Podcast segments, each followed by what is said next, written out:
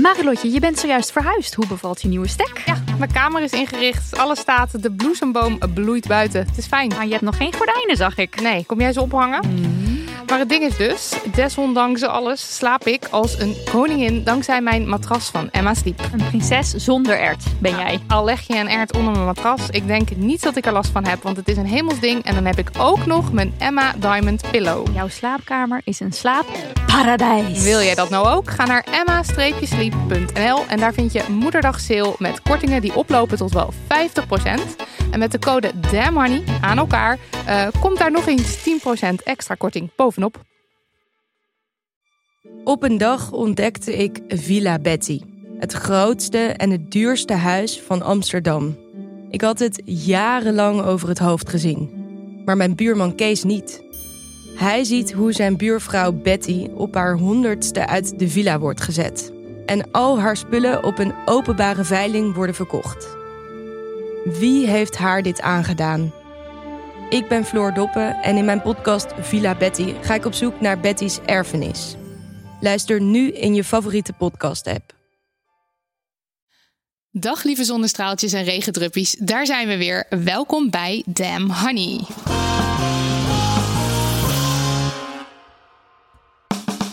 De podcast over shit waar je als vrouw van deze tijd mee moet dealen. Mijn naam is Marilotte. En ik ben Nidia. Welkom bij aflevering 46. Uh, vandaag niet vanuit onze thuisstudio, maar vanuit Vondel CS. Uh, we zijn uitgenodigd door Julia en Steven van Podcast Chill. Uh, en normaal zijn er mensen te gast bij de opnames van Podcast Chill. Dat is zeg maar het hele idee. Maar vanwege de coronamaatregelen is dat dus nu helaas niet zo. wat wel zo is, is dat er gefilmd wordt en dat de opnames worden uitgezonden op Salto TV. Dus hallo, kijk kijkers. en dit is ook voor het eerst dat wij kijkers hebben, dus hartstikke leuk. Ja, en deze aflevering gaan we het hebben over klimaat. Want uh, het gaat helemaal de verkeerde kant op met moeder aarde. En uh, dat moeten we natuurlijk niet hebben. En bovendien bestaat er zoiets als klimaatfeminisme. En daar weten wij eigenlijk veel te weinig van. En uh, we denken een groot deel van onze luisteraars ook niet. Ja, en dus daarom hebben we uitgenodigd Europarlementariër Kim van Sparretak, politica namens GroenLinks, milieu- en klimaatactivist en feminist. Yay. Welkom. Welkom, welkom. Dank jullie wel. Eindelijk. Het voelt Eindelijk, alsof ja. we je eigenlijk al acht keer te gast hebben gehad. Maar dat is helemaal niet zo. Nee. Um, ik weet niet of het, of het mogelijk is, maar zou je kort uit kunnen leggen wat het inhoudt om Europarlementariër te zijn? Kan dat een soort van een, een snippet? Ja, dat, dat kan wel. Um, ik, uh, ik ben uh, politica en ik, ben, ik zit dus in het Europees Parlement. En daar uh, vertegenwoordig ik de stem van het volk. en dan heb ik het dus niet alleen over Nederland, maar over alle Europeanen. Ja, crazy. En dan namens de, de Groenen heet dat Namens dan, de? Groenen inderdaad. Ik uh, ben verkozen via GroenLinks. En dan zit ik in een uh, Europese fractie met allemaal groenen uit heel Europa. En proberen we de wereld wat feministischer en groener te krijgen. Lovely. Uh, voordat we het daarover gaan hebben, eerst het volgende.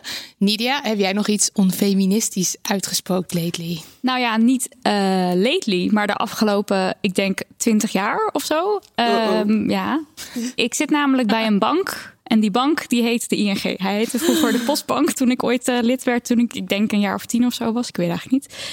Um, en daar zit ik nog steeds. En ik ging eventjes kijken op eerlijkegeldwijzer.nl. En ING krijgt een 3 van de 10 op klimaatverandering en gendergelijkheid. Oh nee. Een 4 op bosbouw en een 5 op mensenrechten.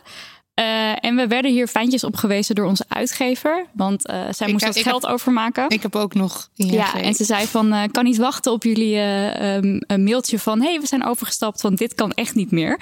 En toen probeerde Marilotte nog van... ja, maar ik heb allemaal spaarpotjes en dat valt dan allemaal... dat stort dan in één. En toen stuurde ze terug...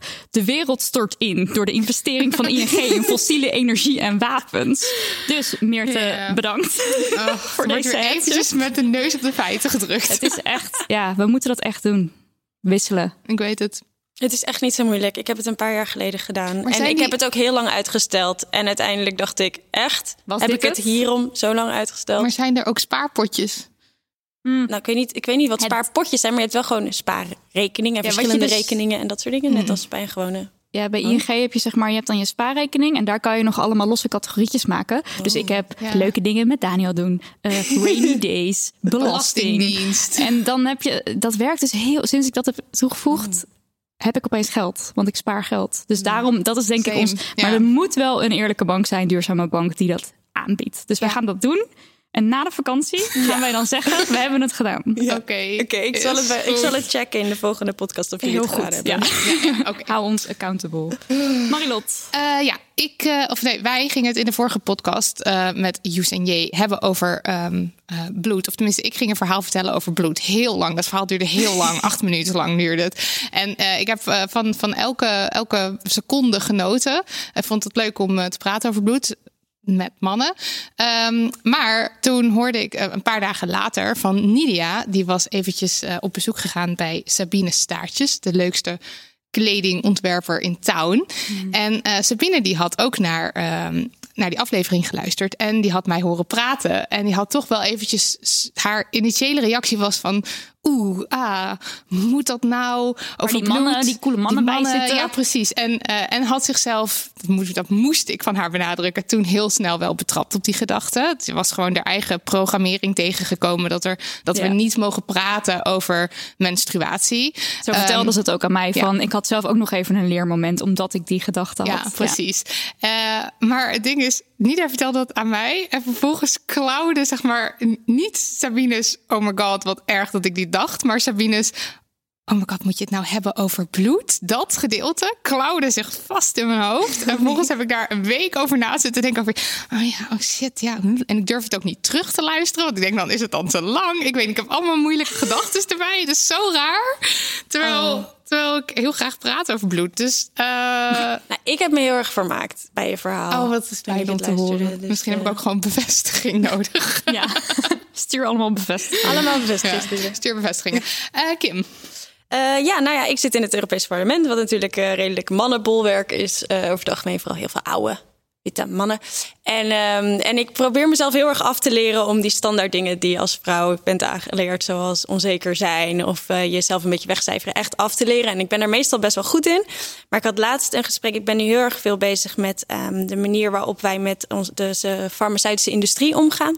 En om te kijken of we ervoor kunnen zorgen dat medicijnen betaalbaar worden.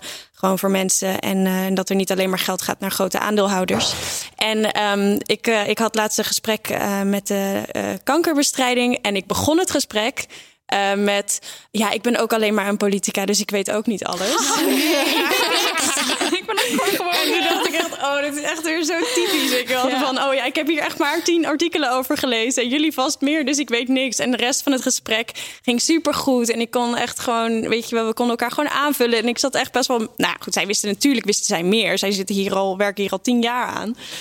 Maar ik dacht echt weer van, oh ja, ik had hier echt niet van tevoren weer zo in zo'n sorry-modus ja, hoeven jij stappen. kwam ook je eigen programmering weer tegen. Ja, precies. Ja. Dat ik dacht, ach, waarom? Altijd Ik had hier echt, dit had ik niet hoeven zeggen. En dan was het gesprek veel soepeler gegaan vanaf het begin. Ja. Ja, want je zit er dan ook de hele tijd over na te denken natuurlijk tijdens het gesprek. Ja, Waarom zei van waarom heb ik dat nou gezegd? Ja. Ja, precies. Dus dat was eh, mijn ding. Tijd voor post. Ik ga even lezen. We hebben drie brieven vandaag. Dus eh, sit back and relax. Hoi Nidia en Marilotte, ik heb een dilemma. Ik had een tijdje geleden een afspraak bij een dermatoloog om naar een moedervlek te kijken. Toen hij dat had gecontroleerd en er niks mis mee was, vond hij het nodig om aan te halen dat ik wel een acneprobleem had op mijn rug. Hij gebruikte daarbij zinnen als: Dat moet zeker wel moeilijk zijn om naar het strand te gaan. Ikzelf ben nu 16 en heb de afgelopen jaren leren accepteren dat acne er, zeker in de puberteit, bij hoort. En vind het juist eindelijk niet meer zo vervelend om naar het strand te gaan. Ik vind het prima als een dermatoloog iets zegt waarvoor je geen afspraak hebt gemaakt als dit een medisch probleem is. Maar een opmerking als deze maakt mij ineens weer onnodig onzeker. Hij zei dat ze er wat aan kunnen doen en op zich zou ik het natuurlijk wel fijn vinden als ik er vanaf kom, maar dan niet bij hem natuurlijk. Toch vind ik het ook onzin dat er dan een dermatoloog geld verdient aan een probleem dat mij door deze man is aangepraat. Ik vind het lastig of ik het nu wel of niet moet laten behandelen en hoe ik daar een keuze in maak die echt van mij, vanuit mijzelf komt. Hebben jullie tips? PS, alsof het niet erger kan, de dermatoloog heet het. Keep up the good work. Groetjes. Dankjewel, brievenschrijver. ja, Ja, thoughts. Ik vind het wel. Kijk, ik snap dat een specialist op het moment, en zeker als je gespecialiseerd bent in huid en je zit bij iemand een iets. Iets huidgerelateerd, waarvan iemand ook last kan hebben. Want ik bedoel, dat we acne hebben geframed als iets wat lelijk en onwenselijk is, dat is natuurlijk raar. En daar zouden we Uh, daar strijden we ook tegen. Maar je kunt er ook last van hebben. Kan je, gewoon pijn het kan doen. pijn doen. Uh, en dan, dan kan het je echt belemmeren ook in je, in je, in je dagelijks leven. Dus dat een dermatoloog vraagt naar dat als hij iets ziet, dat hij daarnaar vraagt, ehm, vind ik logisch. want misschien moet er wat aan gedaan worden. Maar dat je het dan zo insteekt van dan durf je misschien niet naar het strand. Of dan is het misschien wel moeilijk voor je om naar het strand te gaan. Dat is natuurlijk wel niet oké. Nee. Nee, dat vind ik echt, echt belachelijk. Ja. En um, volgens mij is dit echt wel iets waarvoor je op zijn minst een klachtenmail naar hem kan sturen. Om Ja. uit te leggen van hé, hey, uh, dit is echt niet oké. Ja, En- je zou eigenlijk deze brief, die zou gewoon, als je hem een klein beetje herschrijft, zou je hem zo kunnen sturen naar de dermatoloog in kwestie. Ja, misschien dat denk ik even dingetje. Nee, dat zou ik misschien uithalen. Kan hij ook niks aan doen, hè? Daar kan hij ook niks aan doen. maar ehm, ja, want, want je, de, de, de luisteraar of de, de brievenschrijver die vraagt van... ik weet niet zo goed hoe ik nou die keus moet maken. Maar ze schrijft ook van... eh, ik zou er eigenlijk toch wel van af willen. Eh, even kijken hoor. Ik kan het nu even niet vinden, maar zoiets schreef ze wel. Ja, op zich is het natuurlijk wel fijn als ik ervan afkom. Ja. schrijft ze. Dus ja, ja, go for it als je dat graag wil en als er een behandeling is, toch? Ja, bedoel, precies. De toon van de mail zegt mij dat ze daar heel goed over na kan denken. En Ja, dat toch? hij gewoon voor zichzelf kan bepalen hoe hij zich maken. voelt. Maar ik zou dan inderdaad gewoon naar iemand anders toe gaan. Om daar gewoon een gesprek over te gaan ja. hebben. En, eh, en te kijken van hoe je daarbij voelt. En dan iemand die niet dat soort opmerkingen maakt. Ja, ja, Dermatoloog in specialist bedoel je dan. Nederland? Ja, precies. Ja. Ja, Oké. een soort second opinion. Ja. Oké, Brief 2. brief 2. En dit was een lange die ik in overleg met de briefschrijver een beetje heb ingekort. Een paar weken geleden heb ik me aangemeld op een datingsite voor suikerarrangementen. Het idee van het platform is om welgestelde mannen, bijna altijd wel mannen ja, in contact te brengen met leuke jonge dames die gezelschap bieden in ruil voor goederen of geld. Het is geen escortbedrijf of prostitutie, vaak gaat het om wat meer eh, langdurige connecties. Op dit platform kwam ik in contact met een man van 44 die graag met mij af wilde spreken. We hadden wat berichten uitgewisseld en er waren een aantal gemeenschappelijke interesses, dus we besloten te videobellen. Tijdens het videobellen was er een klik. We besloten samen wat te gaan drinken om elkaar wat beter te leren kennen. En ook dat klikte. En na een paar uurtjes gekletst te hebben, voelde ik me genoeg op mijn gemak om samen met hem de nacht door te brengen. Hij stelde me gerust en ik vertrouwde hem. Alles, alles tijdens deze avond was echt helemaal prima en ik voelde me op mijn gemak, ook tijdens de seks. Alles was met consent. Tot het moment dat ik erachter kwam dat hij opeens geen condoom meer om had. Die had ik hem gegeven en ik heb gezien dat hij aanstalten deed om hem om te gaan doen. Toen ik hem vroeg waar het condoom was, was gebleven, deed hij er een beetje vaag over. Ik zag aan zijn gezicht dat hij loog. Ik vond de condoom later ongebruikt in bed. Deze klootzak heeft gewoon gefaked dat hij een condoom omdeed en daardoor hebben we zonder mijn toestemming onbeschermde seks gehad. Dat was totaal niet mijn bedoeling en had ik ook nooit goedgekeurd als ik het had geweten. Ik had dit nog nooit meegemaakt en wist niet zo goed hoe ik moest reageren. De hele date had ik het gevoel zelf de controle te hebben, maar met deze actie had hij die bruut van me afgenomen. Op het moment zelf was ik vooral erg in de war en uiteindelijk heb ik het laten gaan. Ik ben ook helemaal niet meer over geld begonnen. Dat voelde ineens heel vies. Pas de dag erna werd ik me bewust van de ernst van het incident. Ik voelde me gebruikt, hij was over mijn grens gegaan. En naast die emotionele zooi had hij me ook nog met een aantal andere problemen opgezadeld. Ik zit niet aan de pil, want dat is vreselijk. Dus moest de morning after pil innemen, wat niet eens 100% zeker is. Stel je voor dat ik hierdoor zwanger zou raken. En ik had meteen een afspraak gemaakt voor een SOA-test. Die moet ik nog krijgen, maar ik hou me hard vast. En wat als ik het niet gezien had? Dan had ik al deze stappen niet ondernomen en was ik had ik dus echt zwaar risico gelopen op allerlei ongewenste dingen. Ik heb totaal geen zin om deze man aan te klagen of aan een publieke schandpaal te hangen of iets in die richting. Maar ik ben wel echt heel kwaad dat dit gewoon gebeurt. Dat mannen denken dat ze dit kunnen flikken. Dit is zo niet oké. Ik wil hem er nog wel op aanspreken, maar weet niet zo goed hoe ik dat kan doen op een manier die ook echt aankomt. Hebben jullie tips over wat ik met deze situatie aan moet? En hoe we dit probleem groter kunnen aanpakken? Deze situatie is wat ingewikkeld omdat het niet om standaard daten gaat. Daarom vind ik het lastig om te beslissen wat ik er verder mee kan doen. Ik lees graag jullie visie op deze situatie. Liefst een trouwe luisteraar van de podcast. Zo erg dit. Ja, En ik denk ook, eh, ze heeft het er wel over dat het niet onder normaal daten valt. Maar ik denk dat het in heel veel situaties gebeurt. Ook onder wat je dan wel normaal daten zou noemen. En volgens mij maakt dat ook helemaal Nee. niks uit. Precies. dat maakt nog- ook helemaal niks uit. Ik zat net te denken, eh, het, hier zouden juist de voorwaarden duidelijker nog moeten zijn. Dan, want ja, bij precies, gewoon daten eh, is het altijd eh, hier bij dit soort afs- arrangementen worden waarschijnlijk afspraken gemaakt. Ja, of dus niet goed genoeg. Ja, precies. En, dat is denk ik ook misschien nou, het gevaar. Ik, we hebben een aflevering met eh, Lisa gemaakt over sekswerk. En zij vertelde ook van het heeft me lang geduurd voordat ik precies alles onder de knie had en het snapte. Want ze had ook niet echt een mentor daarin. Dus als je op zo'n platform gaat en je krijgt vanuit het platform nauwelijks mogelijkheden om regels op te stellen. Of ik weet niet precies hoe dat platform werkt hoor. Maar ja, Ja, ik het- vermoed dat dat dus gewoon je, het is je registreert je er en dan, belangrijk dat je van tevoren al heel duidelijk afspraken over al die dingen Ja. maakt. Ook over condoomgebruik. Ja. En uh, want, want dat schreef ze dus in de brief wat er nu uitgehaald is. Ze had dus uh, geen afspraken met hem gemaakt, omdat ze dat in vertrouwen dat Ja. zou wel komen. Ja. En dat is denk ik ook wat hier dan, wat hier dan misloopt. Je, dat moet je, dat, dat, die afspraken zijn juist zo belangrijk. Ja, en eigenlijk dus sowieso rondom seks hebben. Kijk, ik snap dat je niet met z'n tweeën aan tafel gaat zitten van... oké, we gaan zo seks hebben. Gaan we wel of niet een condoom gebruiken, la la la. Maar toch is het wel heel belangrijk dat daar een soort duidelijkheid over is. En Ja. dat het niet blijft zweven of je nou wel of niet via zo'n suikerarrangement eh, aan het daten bent. Ja, volgens mij zit er gewoon wel ook een rol voor zo'n platform hoor. Om Ja, dat gewoon heel duidelijk erbij te zeggen. Vind ik ook, ja. Ja, dat er Eh, in ieder geval iets van huisregels zijn Ja, of dus zo. dat wel duidelijk is dat, het niet haar, dat ik het niet haar schuld vind dat ze die afspraken niet duidelijk gemaakt heeft. Want Nee. ik, ik zie het helemaal mezelf ook gebeuren. Dat je denkt, shit, ik had dat van tevoren. Dat je toch weer niet durft te beginnen over iets. Dat je Ja. toch denkt, oh, het is wel allemaal oké. Ja. Maar waarschijnlijk is ze er wel over begonnen.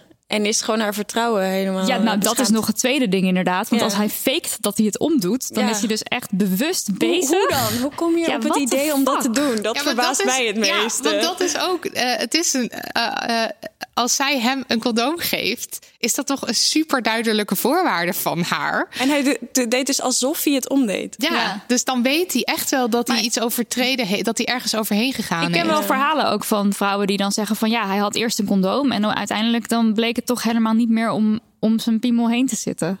Dus zeg maar, ik ken, ik ken meer van dit soort Ja, verhalen. Van, ja. En toen moest ik ook after, een morning after en moest ik ook zo test. Weet je wat het ook allemaal kost Ja, trouwens? precies. Ik zou in ieder geval, als je hem confronteert, zou ik op zijn minst er een tikkie bij doen. om even te zeggen van, eh, ja. yo, eh, Absoluut, ja. dit kost best wel wat geld. Ja. Ja. en kijk, publiekelijk eh, aan, de, aan de schandpaal en zo. Ja, nee, ik, Nee. Dat, dat hoeft denk ik niet. Maar ik zou eh, wel één het platform dit laten weten. Ja. En toch ook nog wel die man. eh, Ik denk wel dat als je inderdaad een tikje meestuurt, dat komt wel aan. Want dat, dat, daar, daar, daar houdt zo'n man geen.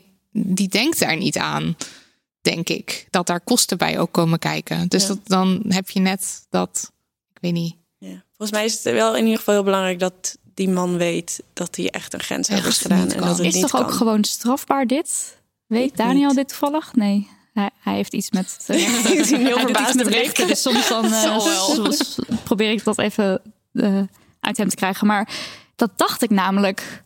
Dat het strafbaar is. Ja, dat er iets. Ja, nou, ik weet het niet precies. Dat het, het is gewoon fucked up. Ja. Dat sowieso. Dus Ehm, ja, schrijf stuur die tikkie, schrijf een brief. En, eh, En maak ook dat de volgende keer dus afspraken. Ja, maar goed, ja, het probleem is altijd ligt het niet bij de vrouw, maar ligt het weer Nou, bij zich, de man als je die dit dit nu weer durft te eenmaal- flikken. Ja, als je dit nu eenmaal hebt meegemaakt, dan kan je dat tijdens een volgende date vertellen. Van, nou, wat mij de laatste keer is Ja, overkomen, dus ik kan je meteen even de reactie niet, checken. Ja. Ja, en je kan dan zeggen van eh, en dit dat is waarom ik eerst afspraken wil maken en daarna dan kijken we wel even verder. Ja. Ja. Nou. De laatste brief niet. Ja, ha, lieve Nidia en Marilotte. Ik luister met veel plezier al jullie afleveringen. Hou ervan hoe kritisch jullie naar alles, inclusief jullie zelf, kijken. In aflevering 45 met Joes en J hebben jullie het uitgebreid met deze heerlijke mannen over menstruatie. Hè, Marilotte? Hierdoor moest ik denken aan een ruzie-discussie die ik laatst had met mijn vriend. Na een week van niet lekker in mijn vel zitten en daardoor afstandelijk doen tegen mijn vriend, was hij er klaar mee en sprak hij mij erop aan. Dit liep uit op een ruzie waarin ik compleet instortte en vele tranen gelaten werden. De volgende dag, nadat wij het goed hadden gemaakt, stuurde ik hem een virtuele kus met de zin: Sorry voor gisteren, het verbaast me trouwens niks. Ik bedenk me net dat ik bijna ongesteld moet worden. Waarna hij dat een kut-excuus noemt en vraagt: Hoe zou jij het vinden als ik telkens na een ruzie zou zeggen: Misschien moet je bijna ongesteld worden? Gelijk gingen er allerlei verongelijkte en boze gedachten door mijn hoofd en ik belde hem om het erover te hebben. Ik zei dat het geen excuus was, maar dat het voor mij heel veel verklaarde over mijn gedrag en neerslachtigheid de week voor de ruzie, wat in eerste instantie de aanleiding van zijn ontevredenheid was geweest. Ik kon echter niet anders dan erbij stilstaan dat dit misschien een fout was geweest van mijn kant. Na het met meerdere, zowel mannelijke als vrouwelijke, vrienden hierover gehad te hebben, werd ik helaas niets wijzer. Ik zou er geen probleem mee hebben als hij op een begripvolle manier eens tegen mij zou zeggen: Denk je dat het mogelijk is dat jouw reactie komt omdat je bijna ongesteld wordt? Aangezien hij de grove loop van mijn cyclus kent, is hij op de hoogte van de going-ons en denk of hoop ik dat ik hierdoor niet op mijn teentjes getrapt zou raken. Ik heb niet tot hem door kunnen dringen dat ik vind dat het een legit verklaring is voor mijn houding en gedrag. Zeker omdat hij ook aangaf mij niet op deze manier te kennen. Inmiddels hebben we het er niet meer over gehad en ik zou ook niet weten hoe ik het gesprek opnieuw op zou kunnen starten. De oplossing nu? Niet meer benoemen dat ik ongesteld moet worden na een ruzie slash lastige periode. Hierin ben ik me dus aan het aanpassen, wat ik lastig vind, merk ik. Hebben jullie een andere oplossing of ideeën hierover? Liefs. Kijk allebei mij aan. De grote menstruatieverhaal. Menstruatiedeskundige. En PMS-champ ben je ook. Ja, dat is waar. Ehm, ja, ik wil eerst eventjes ingaan op eh, dat hij dan zegt: eh, hoe zou jij het vinden als ik zou vragen: je- moet je ongesteld worden of zo? Eh, op het moment dat dat een. in eerlijke, als je eerlijk informeert of interesse hebt in iemands cyclus, dan kan je Ja. dat, je kan dat best doen. Want je kan best zeggen: lief, je reageert nu best wel op je teentjes getrapt, best wel kort af. Waar zit je in je cyclus? Ja, het, ga- het, het probleem met zo'n zin als ben je ongesteld of zo, is dat het heel vaak gebruikt wordt als vrouwen emotioneel of eh, boos of chagrijnig zijn. Eigenlijk dat mensen totaal niet geïnteresseerd zijn in die hele cyclus. Het is gewoon om vrouwen Ja. met een mening weg te schuiven als jij mag niet meepraten, want Ja. wat je nu doet vind ik niet oké. Als je oprecht informeert is dat iets heel anders. Maar wat ik sowieso niet snap aan die vergelijking is... Het zou toch meer, als hij dan een vergelijking wil geven, dan zou hij toch meer moeten zeggen van hoe zou jij het vinden als ik na een ruzie het zou gooien op mijn pijn aan mijn benen. Of zeg maar, dat zou ik een logischere vergelijking vinden. Want ik snap wel de frustratie van hem van er is heel veel ruzie. En dan moet ik het maar goed vinden, want het komt daar. Dat, die, die frustratie, die zou ik wel kunnen begrijpen. Ik bedoel, Ja, Marilot en ik hebben ook wel eens dat ik denk van ja, ik, ik snap dat het fucked up is, maar we moeten ook werken, we moeten ook een bedrijf runnen, weet je wel. Dus je moet daar samen een, ja precies. een, een manier van, van werken in vinden. En in een relatie is dat precies hetzelfde. Ja, en het is wel, kijk, eh, ehm, als zij als, als ze een week lang eh, hier last van heeft van dit gedrag en dan niet weet waardoor het komt en dat het dan daar, na een week pas op zijn plek valt, dan zou ik zeggen, eh, dan is het juist fijn als hij zegt waar zit je in je cyclus, want dan kom je er eerder achter. Ja, precies. Eh, Ja, plus, precies. ik zou zeggen. Ga ook je eigen cyclus goed bijhouden en tracken. Want Ja. dan heb je het echt veel eerder in de gaten wat Ik er aan de krijg zo'n hand is. fijne pop-up altijd van de PMS gaat nu beginnen. Ja, precies. En dan, word weet je ook en dan echt- word je automatisch heel chagrijnig, maar dan weet je in ieder geval waar het van komt. Nou, ik heb die pop-up dus uitgezet, maar ik kijk op het dat moment kan. dat ik Oh, dus ja, ja. en dan kijk en denk oh, oh ja, nee, dat maakt ook wel sens. Ja, en dan precies. ik weet niet, de verklaring alleen al maakt dat je een soort van zachter wordt weer en dat je het begrijpt en dat je misschien ook weer eventjes je je initiële reacties eventjes kan, hoe noem je dat, even terug reelen en dat je even meer wat meer eh, rationeel naar de boel kijkt in plaats ik van vind het eh, ook heel fijn, weet je. Als ik in een hoekje echt zit eh, te verschrompelen omdat ik me vreselijk voel. En als iemand dan vraagt van, moet je misschien ongesteld worden? Dat je denkt, oh, dat is het. En Ja. dan kan je nog steeds heel hard gaan huilen, want dat is het. En dat Ja. is ook, ook maar heel jammer. Maar dan, is. dan Ja. weet je weer van, oh ja, wacht. Dit, dit, dit komt niet omdat de wereld in elkaar stort. En niet alles is mijn schuld. Maar ehm, ik moet ongesteld worden. Ja. Potverdorie. Ja. Ja. En als je het weet, kan je het ook van tevoren kan je er een beetje je leven op eh, aanpassen, zover mogelijk. Dus bijvoorbeeld niet eh, sociale afspraken drie avonden achter elkaar, want dat is dan te veel. Of dat je van tevoren al aangeeft van oké, eh, mijn PMS komt er weer aan. Dus ik ben gewoon gevoeliger voor prikkels en harde geluiden. En ik stoor me meer aan wat jij doet. Maar dat ja, kan er niets van doen, maar dan weet je dat. Ja. En dan kan je daar gewoon met z'n tweeën. Dat is ook een beetje hoe wij het doen, toch? Ja, we, we, we, Want we- we weten het gewoon maar van elkaar. in de cyclus Ja. En ik merk ook gewoon dat, dat ik gedrag van mezelf herken. En ook reacties van jou op mij als ik zo reageer. Het is best wel Het is ook een Eh, relatie, hè? wat het is een relatie.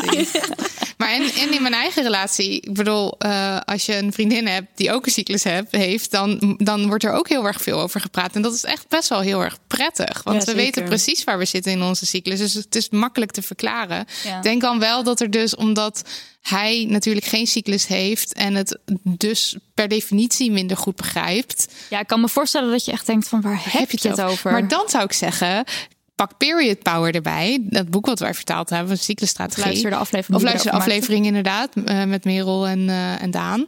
En, eh, en leg het uit aan de hand van die seizoenen. Want ik heb meerdere mannelijke vrienden die opeens zoiets hadden van... Oh, oh nu snap ik hoe het zit. Ja. En dat je gewoon veel beter een soort handvat kan bieden van hoe dat dan werkt. Want het altijd op PMS gooien, is, dat is ook maar een soort, soort mysterieus ding soms. Ja. Ja. En Dus- het is voor iedereen vervelend. Het is voor haar zelf ook vervelend. Het is niet dat zij het gebruikt als smoesje. Maar ik kan Nee, me wel precies, voorstellen ja. dat het soms een beetje zo over kan komen. Ja. Maar en, en wat betreft eh, het weer aansnijden, ja, ik, ik zou dat dus doen in je zomer. Ja. ja, dan moet je echt period power Ja. gelezen hebben om dit te snappen. Ja, maar, inderdaad, tijdens je als je- ovulatie, als Ja. je, dan ben je het meest in je happy Ja. season. En dan, Dan, zeg kan je het veel "Schat, beter aan, de kritiek. Listen, Ja. kom even naast me zitten. Dit is een seizoen, dit is mijn cyclus. Hier, zus, zo. Ja, en je dan- moet het teken het even uit. Ja, precies. Maak een grafiekje erbij met emoticons. Flip over, PowerPoint. Oké, ja. succes.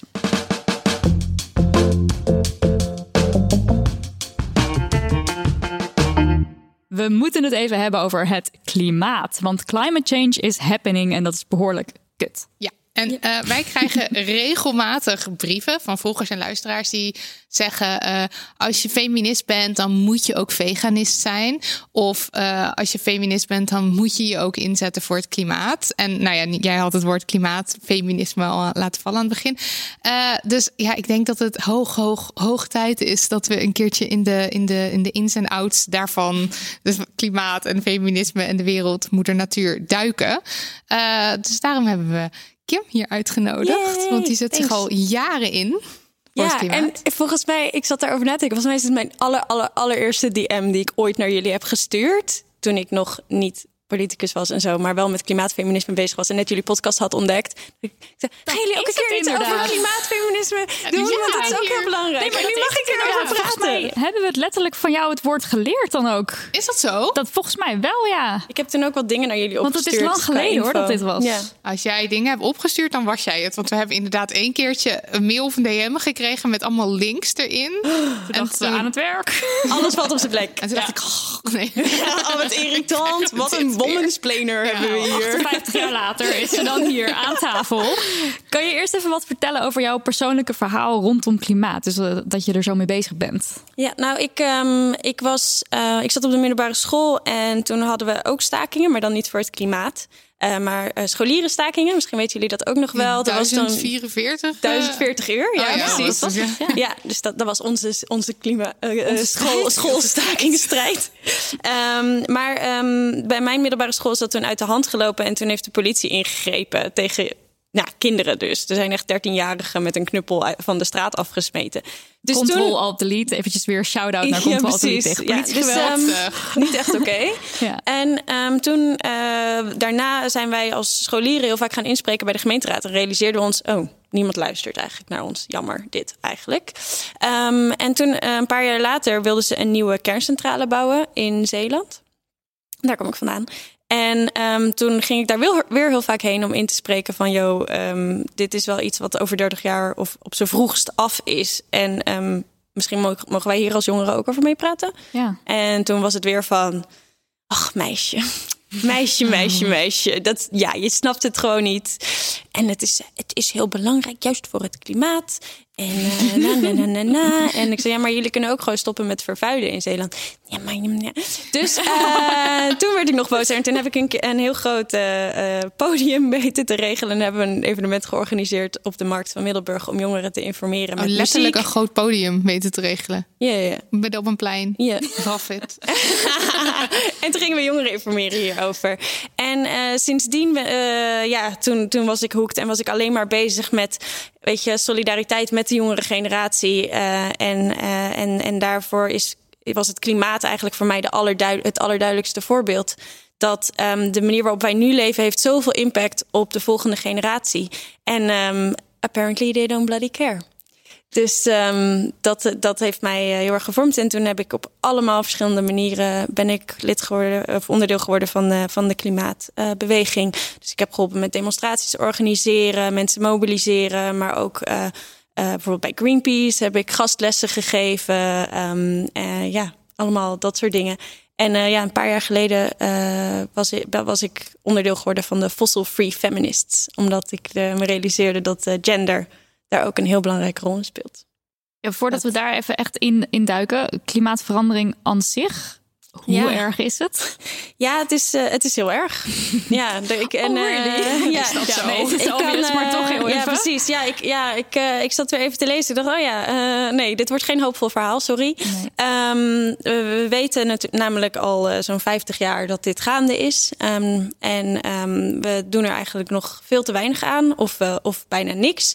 Um, we zien dat de, we, eigenlijk het voornaamste wat je moet weten is dat de CO2-uitstoot moet omlaag. Ja. En hij gaat nog steeds omhoog. En het moet, er is ook een, een doel, toch? Ja. In, uh, in uh, 2030 moet, die, uh, moet het uh, het liefst met 50%, maar, het liefst, maar waarschijnlijk 40% naar beneden om, um, om op, ten opzichte van 1990. Om ervoor te zorgen dat we nog een beetje um, binnen de perken houden, de klimaatverandering. Um, maar zoals het er nu naar uitziet, um, gaan we dat niet halen. halen. En doen we er dus ook niet genoeg aan om dat actief niet. te willen nee, halen? Nee, er gebeurt echt veel te weinig om dat te doen. En eigenlijk, het gaat heel vaak over de anderhalve graad en Mhm. over twee graden. en dat is dus ten opzichte van dat we het zijn gaan meten. En als we de anderhalve graad halen, dan wordt het al naar. Maar dan is het, hebben we het nog redelijk binnen de perken gehouden. Als we naar twee graden gaan opwarming, dan hebben we waarschijnlijk echt een probleem. Uh, en dat komt, uh, ik zal het proberen zo simpel mogelijk uit te leggen. -hmm. um, als het klimaat opwarmt, dan smelt het ijs. Dat is best wel logisch. Hè? Als het warm is, dan smelt je ijsje ook sneller. En, uh, maar het ijs um, op de Noordpool is wit. En we weten ook dat als zon weer kaatst mm -hmm. van wit. Maar als dat ijs verandert in blauw, namelijk in de oceaan, dan wordt, het, uh, er wordt de warmte opgenomen. En dat heet een feedback loop. En dat betekent dus dat hoe meer dat ijs smelt, hoe warmer de aarde wordt. En dat, dan wordt het dus alleen maar erger. En hetzelfde is nu, uh, Siberië is nu het allerwarmste ooit gemeten. Het is daar 38 graden geweest dit jaar. Dat is echt Ja, ik dacht echt 18 graden boven het gemiddelde of zoiets, ja, toch? Klopt. Ja, ja. En um, dat betekent dat uh, de permafrost, dat is een deel wat gewoon altijd bevroren is, dat smelt nu. En daarin zit methaan. Methaan is ook een broeikasgas, ja. maar nog veel heftiger dan, CO2? Dus, dan CO2. Ja. Dus um, ja, dat, dat, dat, zorgt er dan ook weer voor dat het steeds erger maar dat wordt. versterkt het dan ook en, nog eens. En het blijft, het, zeg maar, alles wat er gebeurt versterkt zich de hele tijd. En, um, en ja, als we dat niet meer kunnen stoppen, dan, ja, dan gaan we misschien naar vijf graden of zo. Ja, want wat veel mensen zullen denken is van... oké, dan smelt het ijs en dan uh, gaan we dus uh, overstromingen krijgen. Maar dat is dus niet het enige, want het wordt nog warmer, want Ja. blauw, want Ja, precies. never ending Ja. cirkel. Ja. Ja. Uh, En, en, eh, dat over hoeveel we jaar zouden we het dan nu zouden we het dan hebben? Die Ehm, anderhalve graad? Uh, anderhalve graad aan het eind van de eeuw ongeveer. Oké. ja. Maar het is niet zo, zeg maar. Ik heb het idee dat veel mensen, als je het over het klimaatprobleem of over klimaatverandering hebt, dat ze het eh, zoiets hebben van, maar dat is een, uh, dat is dat dat ligt nog ver voor ons, terwijl dat helemaal niet zo is, want er gebeuren al allemaal dingen. Klopt, ja. Um, we zien al dat er enorme droogtes zijn. Uh, ook hier, hè. Ik bedoel, er is nu ook al heel veel dat, uh, dat we gewoon geen, genoeg, niet genoeg water hebben om, uh, om onze landbouwgronden te irrigeren. Maar we zien ook in Afrika al enorme droogtes. Um, we zien al de Pacific Islands dat die, dat die allemaal overstromen en dat ze daar geen voedsel meer kunnen verbouwen, omdat alles zout is geworden, omdat het water daar al, het zeewater daar al de, alle landen heeft heeft doordrongen. Dus het is al gaande. Alleen wij hebben hier in West-Europa, terwijl wij de veroorzakers zijn, er het minst last van. Ja. Eigenlijk in vergelijking met uh, andere landen. En dan het, uh, het uh, genderstuk aan dit verhaal? Ja, um, nou je ziet eigenlijk dat um, zeker bijvoorbeeld in Afrika, daar zie je dat vrouwen echt nu al de meeste impact merken. Um, vrouwen moeten vaak en meisjes moeten vaak het water halen. Nou ja, als de waterbron uh, vijf kilometer opschrijft, dan moeten zij dus nog langer lopen. Je ziet dat uh, vrouwen um, meestal uh, die, die zijn dus die zij zijn niet de bezitters van het land, maar vaak zijn zij wel degene die het land bewerken om eten te verbouwen. Dat kan nu niet. Met als gevolg ook nog natuurlijk dat je dan een, een, um, een vergroting ziet in, in gendergerelateerd geweld. Want ze krijgen het niet voor elkaar om hun taken te volbrengen. En ja, dat is ook gewoon een, een, um, een cyclus die op die manier maar doorgaat. En, um, en, je, ja, en, en over het algemeen, zeker bij rampen, zie je dat de mensen die het armst zijn, het hardst getroffen worden. En, uh, en dat zij is op wereldschaal toch, zijn dat toch vrouwen en voornamelijk uh, alleenstaande vrouwen met een gezin. Ja. ja. We hebben het natuurlijk wel over de loonkloof hier wel eens gehad. En dan vooral over Nederland. Maar als je vergeleken met andere landen is het hier dan nog, uh, nou ja, oké, okay, zou ik niet willen noemen. Maar anders. anders, ja. inderdaad, ja. ja. Ja. Ja, want daar ben je dus echt als vrouw, word je echt helemaal afhankelijk of financieel afhankelijk ook van, ja, ik weet niet, eigenlijk van grote machten waar je helemaal niks mee kan. Helemaal niks mee kan, inderdaad. En het, en het uh, bizarre is, en dat vind ik eigenlijk misschien nog wel interessanter aan uh, de, de, de connectie tussen gender en klimaat, is dat voor de oplossingen wordt meestal niet naar vrouwen gekeken. En dus er wordt gevraagd aan de eigenaar van het land: wat moeten we doen? Die zegt, ja, ik heb meer geld nodig voor meer tractors of zo. Terwijl als je die vrouw zou vragen, is van, nou, we zien dat we hier eigenlijk, als we hier irrigatie zouden aanleggen, dat we minder problemen zouden hebben. Oh, want, want hij, bewer, hij, hij, werkt niet op het land en hij zij land. Ja, precies. Wel. Ja, en uh, je ziet dus dat het feit dat vrouwen heel vaak niet worden meegenomen in de beslissingen over klimaat en bij uh, het bedenken van oplossingen, dat we daardoor juist um, de verhoudingen nog schever krijgen in de wereld. Oh, dus het geld gaat eigenlijk, als we willen helpen, gaat het geld naar de mannen?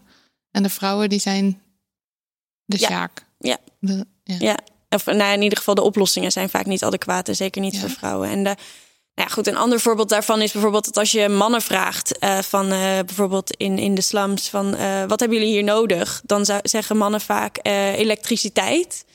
want we willen licht s'avonds op straat. Terwijl vrouwen die gaan daar s'avonds al niet op straat, want dat is veel te gevaarlijk. En die zouden zeggen, nou, ik zou eigenlijk wel willen koken op iets anders dan afval zodat mijn kinderen en ik niet de hele tijd vieze lucht hoeven in te ademen in ons huis. Um, en, en daar wordt dan ook gewoon heel vaak niet naar geluisterd. Dus het is ontzettend belangrijk om juist met vrouwen te spreken over uh, het klimaat en over het milieu en te horen wat hun oplossingen zijn. En dat wordt veel te vaak nog niet gedaan. Wat Terwijl vrouwen dus wel aan de basis liggen van de milieubeweging. En waar, waarom, uh, waarom worden wordt vrouwen niet naar. Waarom worden ze dan niet meegenomen in die oplossingen? Nou ja, um, ik, heb, ik heb nog even de cijfers opgezocht. 1 op de 10 vrouwen, uh, of 1 op de 10 mensen die meededen aan, uh, aan het Parijsakkoord, bijvoorbeeld, aan die onderhandelingen, waren vrouw. En wat is het Parijsakkoord? Parijsakkoord is de, de afspraak die we hebben gemaakt met alle landen uh, om te kijken om uh, klimaatverandering te stoppen. Wereldwijd. Wereldwijd. Met alle landen. Ja. Behalve Amerika nu. Natuurlijk. Natuurlijk. Oké, okay, en dus dat, dat werkt door, dat er zo daar aan de top vooral mannen zitten, dat werkt door in de onderzoeken die later ook ja. weer uitgevoerd worden. En is de, dit is iets wat bekend is. Want jij zit het hier aan tafel te vertellen. Ja, dus klopt. Wat, hoe kan het nou dat het dan nog steeds zo is? Nou, het wordt langzaam beter. Je ziet dat uh, sinds een aantal jaar um, is er ook binnen um, die, uh, die, klimaatonderhandelingen... is er een speciale uh, onderdeel gewijd aan gender... Dus dat is al iets heel positiefs. Um, je ziet ook dat er steeds vaker gender impact assessments worden gedaan bij het opzetten van klimaatbeleid. Um, dus het wordt steeds beter. Okay. Dat is wel uh, heel fijn. Maar um, het kan nog veel beter. En um, we moeten het er vooral over blijven hebben. Uh, klimaat is natuurlijk, ja, dat is wetenschap en moeilijk. En, en mannen die zonnepanelen moeten bouwen en ja. zo. Um, dus dat wordt gewoon heel vaak uh, aan de kant geschoven. Maar ik moet wel zeggen, want ik bedoel, ik zit hier nu al. Uh, ik, oh, oma vertelt. Nou, ik ben hier al lang mee bezig. Minstens tien jaar. En tien jaar geleden was ik heel vaak een van de weinige vrouwen die dan naar bijeenkomsten over klimaat gingen. Er zaten toch een beetje de, de typische nerds die, die klimaat- of milieuwetenschap studeerden. En, en dat is echt zo veranderd nu. Echt ja. in een paar jaar. Dat is wel echt heel tof om te maar werken. hier staat dan aan de basis... staan dan niet de vrouwen in de, die, die de beweging starten. Je zei net, de vrouwen staan aan de beweging van de... of aan de basis van de klimaatbeweging. Ja. Maar hier in de, in de rijke wereld niet? Minder, nee, klopt. Nou ja, het is in Amerika ontstaan met name. En uh, dat waren uh, vrouwen van kleur in, uh, in de achterstandswijken. En die, um, die realiseerden zich dat hun kinderen veel vaker ziek waren, werden omdat zij bijvoorbeeld naast een vervuilende fabriek woonden. Of oh. naast een vervuilende snelweg. Ehm, en, uh, en die zijn, zijn eigenlijk uh, aan de basis hebben zij gestaan van de milieubeweging. En het interessante is dat heel vaak gaat het over de stoere mannen van Greenpeace. Die, Ja, in, die in bootjes gingen. Maar eigenlijk waren het deze vrouwen die zeiden uh, tot hier en niet verder. Wij willen gewoon in een gezonde leefomgeving wonen. Ergens ook geen credits voor. Stom hè? En je hebt ook dat meisje, dat meisje nu in eh, Flint. Eh, ik heb even haar naam gegoogeld, want ik wist het eerlijk gezegd niet uit mijn hoofd. Maar Amarianna uh, Kappany, die in Amerika zich daar hard maakt voor de watercrisis die daar gaande is, waar het water vervuild is. En zo heb je heel veel voorbeelden van jonge vrouwen die zich uitspreken met denk ik als bekendste voorbeeld Greta dan Ja. natuurlijk. Maar uh, ja, zij wordt vaak naar voren geschoven, maar er zijn natuurlijk heel veel andere Ja. jonge vrouwen ook nog die die beweging leiden. Ja. En dat is zo'n groot verschil ook met toen wij op de middelbare school zaten. Ik, tenminste, ik heb echt uh, El Gore moeten kijken met een Inconvenient. Truth. Ja. En En Leonardo ik weet nog- kwam op een gegeven moment ook nog even Ja, voorbij schuiven. Ja, ja, dat was dan een, dat was denk ik vier jaar geleden. Hi Leonardo. Ja. Ja, ik, heb, eh, op, ik ben een paar keer op klimaattoppen geweest. En ik moet zeggen, stiekem hoopte ik wel dat ik hem tegen zou komen. Maar ik ben alleen El Gore tegengekomen. En Greta ook al een paar keer. Maar ehm, Oh, Ja. oh hallo. oh. ja, even braggen. Humble brag. Ehm, nee, maar eh, ik bedoel, El Gore, ik weet nog dat ik dat echt super irritant vond. Ik dacht, oké, deze oude rijke man die Met vliegt, ja, precies, Ja. vliegt de hele wereld over om ons te vertellen dat we hier wat aan moeten doen. Totaal niet consequent. En je zag ook dat toen eh, hij heeft ontzettend veel bereikt. Hè? Dat wil ik echt niet, eh, niet onderschatten. Maar je ziet wel dat ehm, de klimaatbeweging heel erg veranderd is door Greta. Omdat daar in één keer allemaal jongeren op straat stonden. Ja, in ja. plaats van mannen die ook wel eens een keertje op een Excel-sheet hadden zitten kijken naar de temperaturen. Want dat was de klimaatbeweging toch wel een tijdje ook. Maar wel even over El Gore, hè, want dat is iets wat we dus heel vaak zien. Van oké, jij spreekt je uit voor het klimaat. En dus moet je ook meteen de beste persoon op aarde zijn. Dus nee, je mag geen, eh, je moet veganist worden. eh, je mag geen spullen meer kopen. Je moet klein wonen. Je mag geen auto, je mag niet vliegen, je mag niet. En Greta is daar een voorbeeld van, want zij doet dat Ja. dus ook door bijvoorbeeld eh, te zeilen naar Amerika. Wat ik echt geweldig vind. Maar we snijden onszelf toch ook enorm in de vingers door dit soort verwachtingen te hebben van mensen die zich hierover uitspreken. Ja, en ik denk ook dat, dat, dat die verwachtingen dan juist heel vaak juist niet vanuit de klimaatbeweging Dat komen. denk ik dat ook. Maar, maar ze worden ondertussen wel weer ook door de klimaatbeweging ook weer als een soort van jij doet het nog niet goed genoeg. Ja, nee, dat, dat is, die zijn er ook zeker. En ehm, nou, ja, ik heb voor mezelf ehm, besloten dat ik. ehm, we moeten het systeem veranderen. Ja. En ik wil daar een bijdrage aan doen. Ik wil het systeem veranderen. En ik kan het systeem niet veranderen door niet mee te doen aan het systeem. Want dat is eigenlijk wat je doet. Greta is ongeveer, weet je, dit is echt niet realistisch voor de meeste mensen. Zij is gewoon, zij is ongeveer buiten het systeem gaan leven om, om geen impact te hebben op het klimaat. Ja. Dat kan niet. Nee, al helemaal niet als je weinig middelen hebt. Bijvoorbeeld geld, geen Ja. geld. Ja, hoe ga je Ja. het doen dan? En dat, dat is trouwens ook iets heel geks. Want er wordt altijd gezegd: oh, dit is zielig voor de, voor de, voor de eh, arme mensen. Dat als zij eh, eh, minder CO2 mogen uitstoten. Die stoten, stoten al bijna uit, geen ja. CO2 Ja. uit. Maar kan me die gaan al niet zes keer per jaar naar Barcelona. Want dat nee, kunnen ze maar ik kan me wel voorstellen dat je dan eh, goedkoop ergens heen vliegt één keer in de zoveel tijd. Ja. Dus dat is dan weinig. Maar goed, dat je dan dus wel die goedkope optie kiest in plaats van de trein. Want ja, wat wil je anders doen? Je kan die trein ook helemaal niet betalen. Nee, dus ja, ja, ik heb ook voor mezelf, weet je, ik, ik doe echt mijn best. Maar ik ben ook niet perfect. En, eh, en ik, ik, nou goed, ik vind dat ook altijd heel grappig als ik dan vertel dat ik vegetariër ben. En, en thuis alleen maar, ik koop thuis alleen maar veganistisch. En, ehm, en dan eh, zie je altijd mensen, oh, oh, sorry, ja, vind je het dan niet heel erg dat ik eh, nu misschien een stukje vis bestel? En dan eh, nee, moet je lekker zelf weten. Ja, eigen keuzes. Ja. Maar is dan, want, want die slogan, een beter klimaat begint bij jezelf, is Dat- natuurlijk dat wel is de- erin geprint. Maar is dat dan niet een soort afleidingsmanoeuvre van, van, het, van, het, van het, het grote probleem? Namelijk dat het systeem veranderd moet worden en niet wij. Er wordt se. heel vaak over gezegd dat, eh, dat die slogan de meeste schade heeft toegebracht aan het klimaat. Ja, ja. Omdat, Maar hoe dan? Nou ja, omdat er inderdaad wordt gezegd: als jij recycelt, dan ga, gaan we het klimaat redden. Maar ondertussen blijven we nog wel gewoon ervoor zorgen dat Shell geen belasting hoeft te betalen hoor. En dat er geen belasting is op, eh, op vliegtickets. Op vliegtickets, eh, ja, precies. Al dat soort zaken. En dat op kerosine niet. En, eh, En dan heb je misschien als individu ook wel het idee dat als jij goed bezig bent, dat je je dan ook niet zo heel erg hoeft te verdiepen in het. Dat het een soort van, je, maar je bent al goed bezig, dus het zal wel of zo? Of Nou ja, als je, alleen maar, als je alleen maar bezig bent met je eigen leven, inderdaad, eh, helemaal te perfectioneren en CO2-neutraal te maken, dan, eh, dan heb je misschien geen tijd meer om eh, in ja. opstand te komen. En dat was zo tof vorig jaar, dat er in één keer 40.000 mensen in de stromende regen op de dam stonden. Heel vet was dat. En het was wel heel koud, maar Ja. het was wel heel vet. Dat was het. het was heel koud. Maar ja, dus, en, en in één keer was het toch van, oké, en tot hier en niet verder, we zijn er gewoon klaar mee. Ja.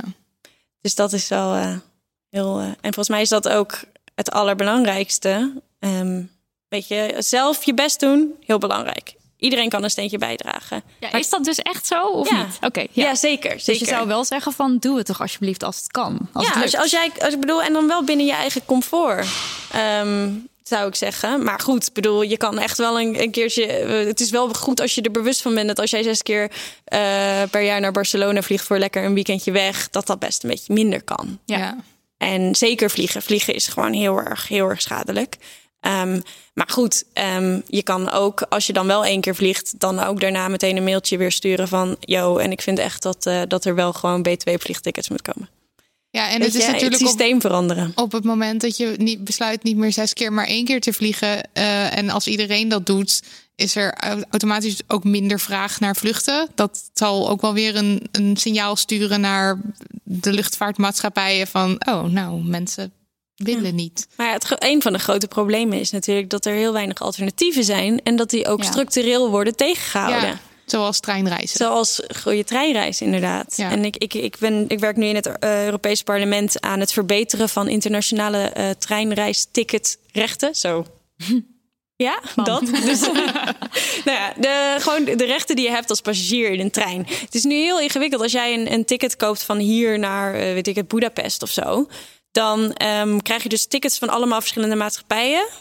En als jij dan uh, op één ticket vertraging hebt, maar dat, dan, dan is dat bijvoorbeeld Deutsche Bahn.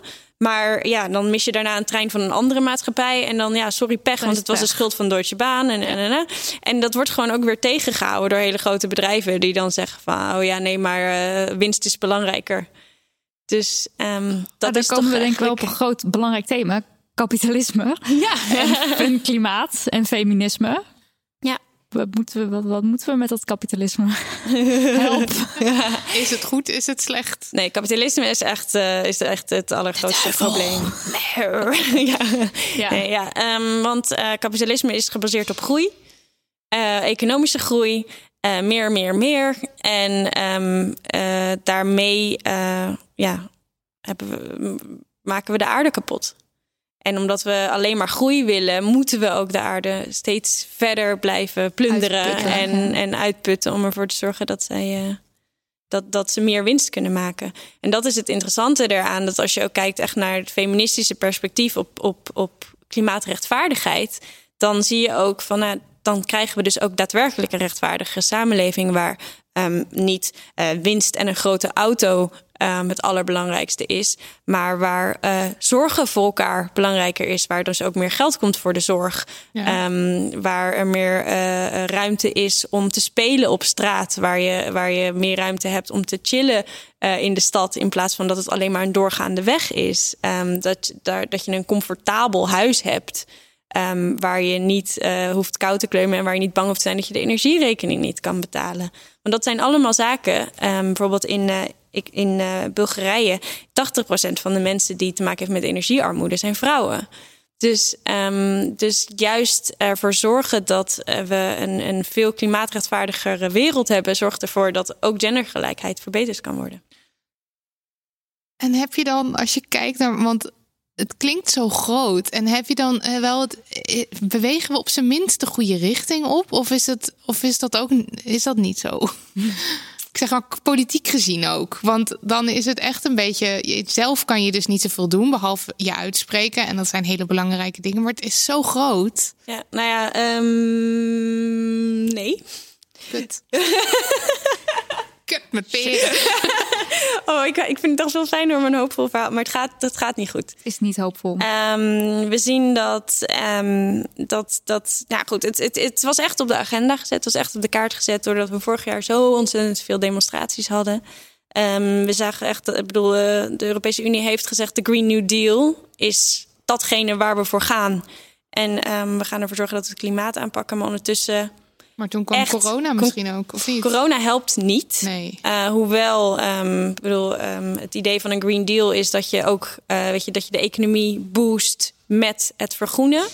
Ehm, dus dat is wel zeker iets Ja, dus wat dat er- gelukkig. Wel degelijk ook nagedacht wordt over geld verdienen. Ja, precies. Want ik ik krijg natuurlijk heel vaak te horen van... ja, maar, het, maar de economie. ja, En dat vinden mensen dan blijkbaar dus belangrijker... dan een wereld die gewoon nog bestaat. Op een oké manier voor Ja. heel veel mensen. En dat, dat is eigenlijk best wel gek, want als wij heel veel investeren in, in het verduurzamen eh, van onze energie, dan creëer je echt een heleboel banen. Precies, dus Ja. het een hoeft het ander echt niet uit te Nee, sluiten. precies. Nee, maar daar moet je wel voor zorgen dat dat gebeurt. En daarom zijn we ook heel erg bezig met de eerlijke transitie nu in het Europese parlement. Om er bijvoorbeeld voor te zorgen dat de, de regio's eh, met veel kolenmijnen, dat die daadwerkelijk gewoon genoeg eh, geld krijgen om ervoor te zorgen dat eh, ze daar nog steeds eh, werk hebben, dat mensen omgeschoold kunnen worden. Mm, ja. En dat dat, ehm, dat, dat gewoon eh, niet, nou, zoals je in, in sommige andere gebieden ziet, gewoon echt een soort van, bijvoorbeeld in, in Groot-Brittannië zijn er oude kolenmijnengebieden. Nou, dat de situatie daar, daar is zoveel armoede. ehm, Daar is gewoon niks Ja. voor in de plaats gekomen. nee, precies. Ja. Dat is gewoon gesloten klaar. Ja. Ehm, overigens niet vanwege het klimaat, maar gewoon omdat, het, omdat Oh. we goedkopere andere vormen van energie hadden gevonden. Hoor. Ehm, nee, dat was Thatcher en zo. Maar ehm, eh, ja, ik, ik- je ziet wel dat dat. eh, waar, sorry, waar, waar gingen we heen? Over de Ehm, goede richting. oh, de goede richting. Ja, nou je ziet dus dat, dat er heel veel mooie woorden zijn. Eh, maar dan komt de commissie van en we gaan een klimaatwet neerzetten. En dan zetten we een doel voor hoeveel CO2 we willen uitstoten. En dan zegt ze ja, maar wel pas een doel voor eh, 2040 hoor. Want eh, ja, 2030 is, eh, ja, is te snel. Ja, en het is natuurlijk ook, dan zitten er alweer andere mensen in de, in de poli- En dan is het niet meer hun zaak, waarschijnlijk. Oh, of tegen die tijd. Ja, nou ik Als denk. het zo voor je uitschaaft. Ik, ik ben bang dat dat niet eens het grootste probleem is. Ik ben bang dat het grootste probleem gewoon is dat de, de lobby van de fossiele industrie veel te Groot sterk is. is. Hoe werkt dat, dat lobbyen? Ik vind dat zoiets mysterieus. Want dat zijn mensen die dan zeggen... yo, rook is echt vet goed voor je. Of yo, fossiele brandstof is echt de shit. En dan is er zo'n politic, politica of politicus die denkt... Ja. oké, ik bedoel, hè? hoe werkt dat? Of geven ze geld? Dat mag natuurlijk helemaal niet, maar... Eh, nou, ik heb, ik, eh, ik heb geen geld gekregen. Jammer. Ik, eh, ik- ik krijg wel eens cadeautjes opgestuurd. Eh, Om je om te kopen. Nou ja, om, om een beetje goodwill te kweken waarschijnlijk. Ehm, nou ja, Geen Tesla. nee, geen Tesla. Dat was een grapje. het- Voor de mensen die vaker- dit niet snappen. Ja. nee, ja, nee. Een doos stroopwafels krijg ik Ja. heel vaak. Ik heb echt zoveel dozen stroopwafels op mijn kamer staan. Dat Zijn die dan wel vegan? Nee, ook niet. Apart. Nou, ja. Dan heb je niks aan. Helemaal niks Maar, aan. maar goed, ja, hoe werkt dat zo'n lobby? eh, Nou ja, lobby? het is gewoon, je krijgt een, een mailtje en dan zeggen ze: Hoi, we hebben een heel interessant idee. We willen graag met je over praten. En dan zeg je ja of nee. En dan ga je met iemand koffie drinken. Wat de afgelopen drie maanden natuurlijk niet kon. Maar ehm, Virtueel eh, koffie drinken. Ja, virtueel koffie drinken. En dan, eh, dan heb je gewoon een gesprek en dan hoor je wat zij graag wil, zouden willen zien. Ehm, en in mijn geval, als ik dan met, eh, met wat foutere bedrijven spreek, dan, eh, of, dan eh, weet ik wat zij willen. En waar ik dus heel hard tegenaan moet gaan vechten om ervoor te zorgen dat dat niet gaat gebeuren. Maar, Maar dan- maar zijn er dan bedrijven die dan denken... oh, Kim van Sparretak, die ga ik eens even vertellen... dat fossiele brandstof de shit is? Of wat proberen ze dan? Nee, nee, dat vertellen ze mij niet per se. Dat snappen ze wel dat dat misschien niet een goed nee. idee is. Maar goed, ze hebben natuurlijk wel altijd hele goede verhalen. Lobbyisten zijn over het algemeen namelijk hele leuke mensen. Ja. Dat Gewoon heel likable, Ja. gezellig. Ja, gezellig. Even gezellig een bakje koffie doen. Even een gezellig praatje, weet je wel. Ik, eh, ik eh, weet nog dat ik met Amazon een keer sprak. eh, en ik wilde ze even aan de kaak eh, voelen over, eh, over hoe ze met hun werknemers omgaan in hun eh, warehouses en zo. Spoiler alert, heel slecht. Ja. Heel slecht. Heel slecht. Ehm, maar zij hadden, dachten, oh, zij is groen. Dus dan eh, nemen we ook nog even onze groene vertegenwoordiger mee. En die komt dan binnen met zijn vouwfiets. Weet je wel, dat je gewoon ziet van... oh ja, er is hier echt heel goed over nagedacht... hoe jullie dit, eh, dit gaan doen. Eh, maar je hebt ook dat ze binnenkomen bij, bij vergaderingen of presentaties. Ehm, ik weet nog, dat was de allereerste keer dat ik in het Europese parlement was. Dat was in 2009 of 2010, denk ik.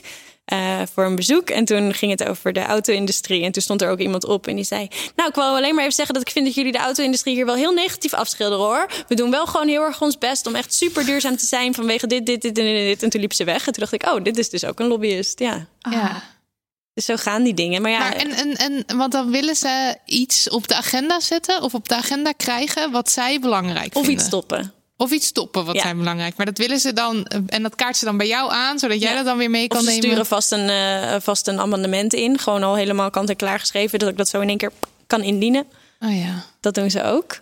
Ja. Maar er moet, toch, er moet toch iets met geld achter zitten? Ik bedoel, waarom zou Zij hebben heel anders... veel geld. Ja, waarom, ja, dus het is dan toch een soort afweging van... oké, maar als land, belasting of whatever... dan is het toch beter voor ons als land... om toch maar wel weer met die mensen Nou in zee ze te- Ik dreigen, altijd, ze dreigen altijd met... ja, maar zoveel mensen gaan hun baan verliezen. Ja, precies. Zoveel impact Dus- gaat dit hebben ja. op de economie. Ja. Jij bent verantwoordelijk voor duizenden mensen die hun baan verliezen. Ja, dus het komt elke keer weer terug op economie en banen verliezen eigenlijk. Oké, ja. En dan, eh, ja, jij, ja, dan, dan ben jij degene die eh, de slechterik is. Want jij hebt ervoor gezorgd dat, eh, dat al die mensen hun baan hebben verloren. ja. Fucked up. Dus het is echt zo dat er iedereen moet anders gaan denken. Het moet dus niet meer zo zijn van je hebt je banen verloren, maar we gaan nu nieuwe banen creëren en dit is ook winstgevend. Maar nou ja, je die, ziet het natuurlijk ook met de boeren die allemaal massaal in, opstand komen vanwege die CO2-vermindering. Stikstof. Eh, stikstof. Eh, logisch, want je bedrijf. Dus ik snap het natuurlijk wel vanuit hen gezien. Maar dan komt er dus ook niet zoveel iets vanuit de politiek van. Maar dit hebben jullie dan. Of dit Nee. krijg je dan. En daar gaat het dan dus eigenlijk mis. Ik denk dat we, het weg- het wordt veel te vaak nog vastgehouden aan hoe we nu leven. ja. Dat, dat moet maar zo blijven. Ja. En, ehm, ja, en dan moeten we eh, en, en niet te veel nadenken over hoe die toekomst kan zijn. Terwijl ik zie wel dat als het ons lukt om eh, klimaatverandering te stoppen en echt een klimaatrechtvaardig systeem te bouwen, dan wordt dat echt veel fijner en veel leuker. En wat is dan de basis van dat systeem? Als je nu zeg maar zo in je vingers kon knippen. Van wat zou er dan nu echt anders moeten? Ehm, nou dan gewoon eigenlijk onze hele manier van, van leven is dan anders. Ja. Is, is gewoon eh, ook meer in contact met de natuur. Ik En ook, ik denk dat we het allemaal een beetje hebben meegemaakt tijdens corona. Corona. ja. Zorg was belangrijk. Eh, weinig auto's op straat. eh, ruimte om in de parken. Of, of tenminste, ik weet niet, ik woon in Rotterdam en alle singles, daar zitten, alle, zitten opeens allemaal mensen nu te chillen in plaats, in plaats van op terrassen, maar juist gewoon gezellig. Ehm, je ziet dat, ehm, dat, dat er gewoon veel minder vervuiling is. Ik weet nog dat in het begin echt iedereen, zei, iedereen zich verbaasde over hoe blauw de lucht was. En hoe stil het was. En hoe stil het was. En Ja. eh, gewoon wat langzamer, maar wel nog steeds prettig. Ja. Ehm, dat, eh, dat is denk ik hoe het dan gaat zijn. En, en gewoon ja, veel minder vervuiling. Minder zorgen ook over gezondheid. Daar heeft het natuurlijk ook veel mee te maken. Ehm, en het belangrijkste dat we dan daarvoor moeten aanpakken... is ervoor te zorgen dat die fossiele industrie... die nu altijd een streepje voor heeft... die krijgt altijd maar weer voorrang. Van de week hadden ze ook weer in Frankrijk... hebben ze een, een fietsadvertentie verboden. Omdat een, op een auto in, die, in, die, in dat filmpje... ehm, werd, eh, zag je fossiele industriefabriek. En dat zou paniek over de auto-industrie creëren. Eh, dus dat is dan Ja. maar ver- verboden Dus om op wordt de tv... hele tijd wordt die soort van, van, van, van eh, met de hand boven het hoofd gehouden. Ja. En, maar en, en dat is toch ook, want wat ik ook zo raar vind aan heel corona is dat we, tenminste, ik ben er nu echt van doordrongen dat de zorg zo belangrijk is en dat je ze dan duizend euro geeft allemaal Ja. en dan is het van En een applaus, hè? Ja, en Ho, een ho. applaus. en, en dat je dan wel dat we wel de hele dingen lezen als nou er gaat 4,3 miljard naar KLM. Ja.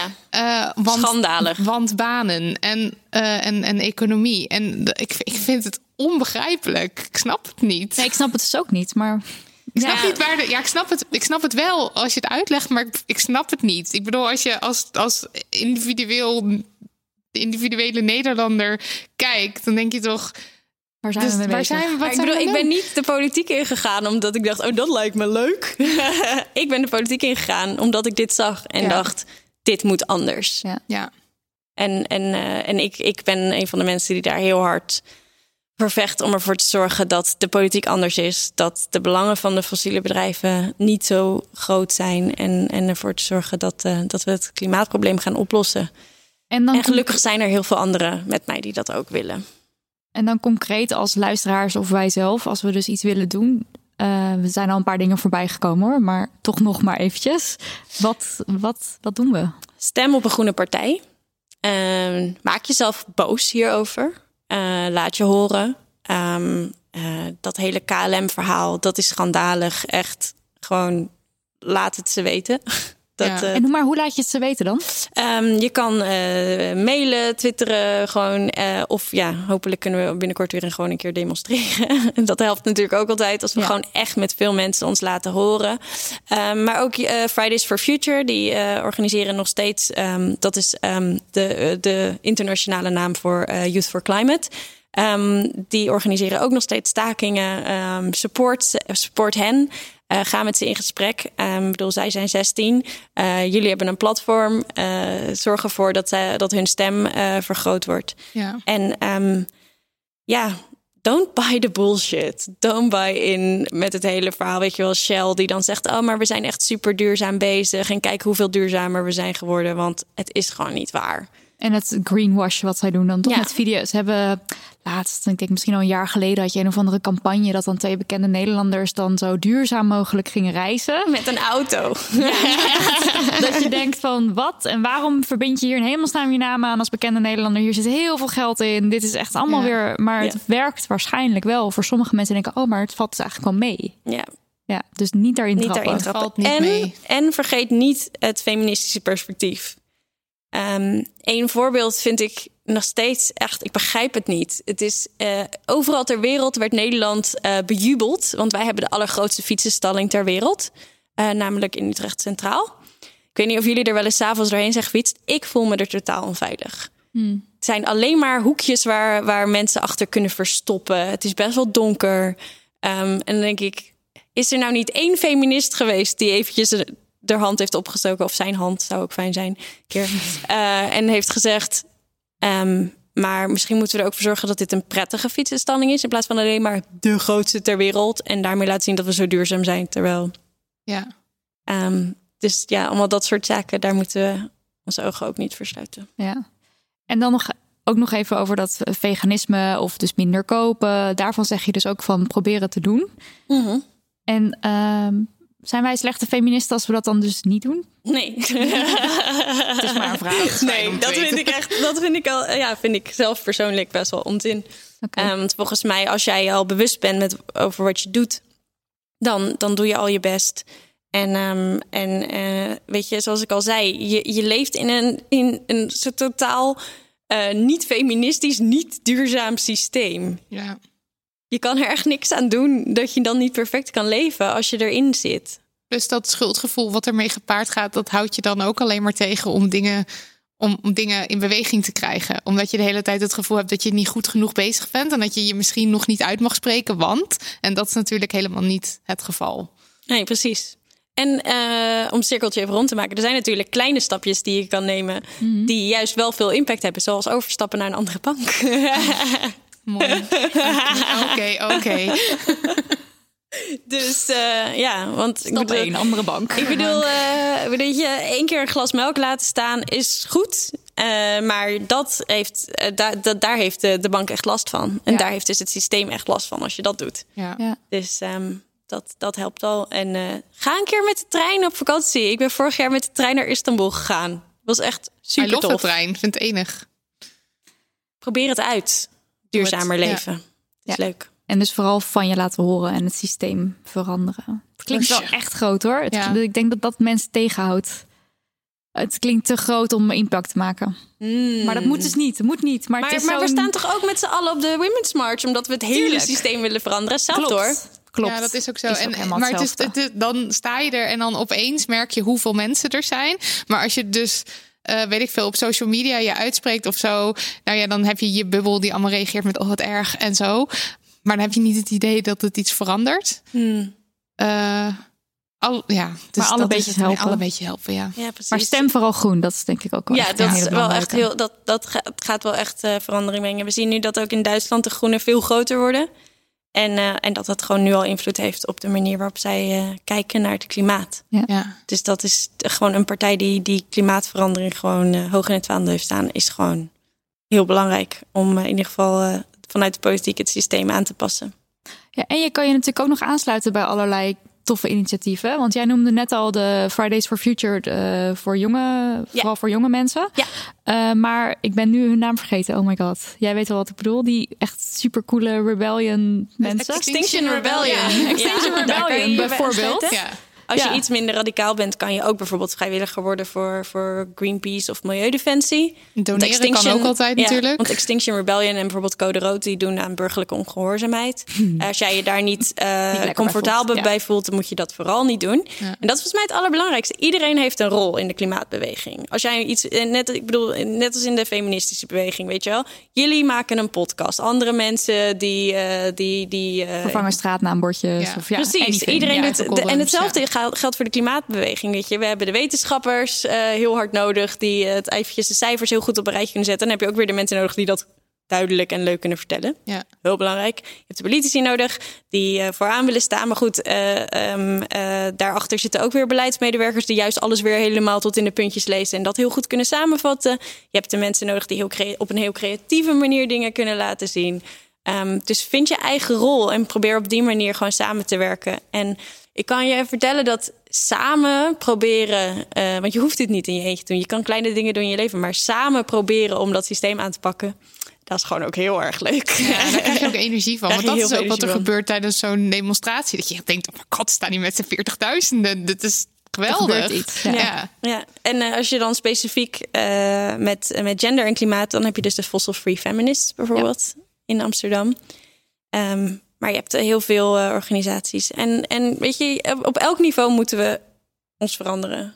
Dus je kan ook een keer als je ziet dat klimaat eh, op de agenda staat en je vindt het eh, leuk om, om ehm, eh, een speech te houden, als je, dat, als je dat tof vindt, dan kan je bijvoorbeeld ook op de, bij de gemeenteraad gaan inspreken. Om eh, te vragen of ze eh, de klimaatcrisis uitroepen met eh, bepaalde punten om waar ze dan naartoe gaan werken.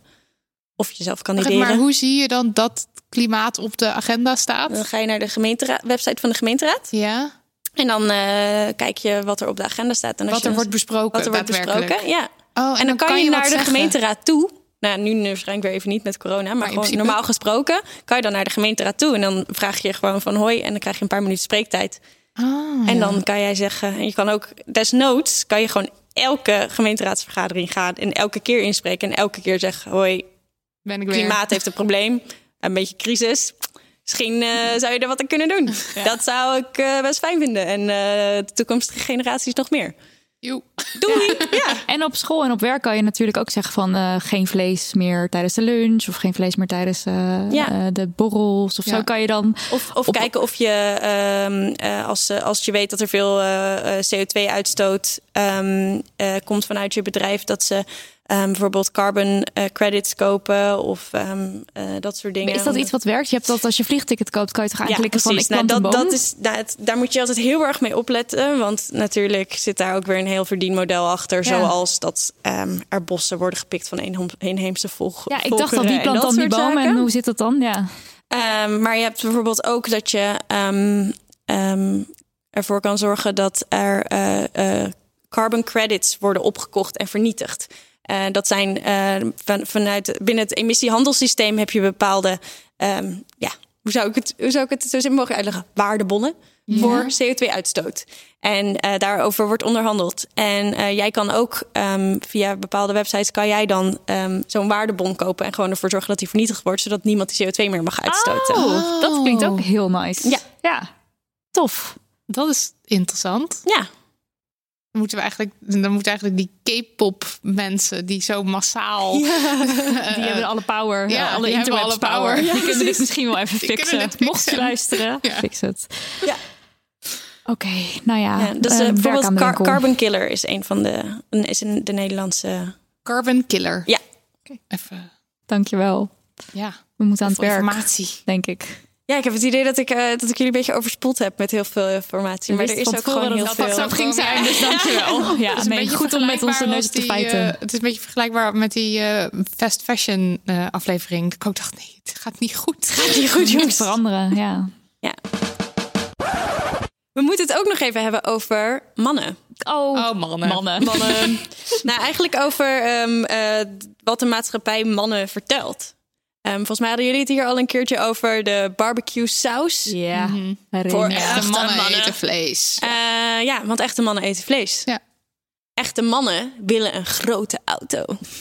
en, en, maar dat, dat, houdt, dat houdt mensen daadwerkelijk tegen. Om, om, je, had, je had laatst ook weer zo'n reclame. Uh, de, oh, dit is de reclame die hoort volgens mij bij, bij die barbecue saus. Oh, waarin ja? dan uh, Jan Kooijman met een groentespies uh, loopt. En Sylvester Stallone volgens mij dan die groentespies uit zijn handen slaat. Want een echte man eet vlees. Tof sausje.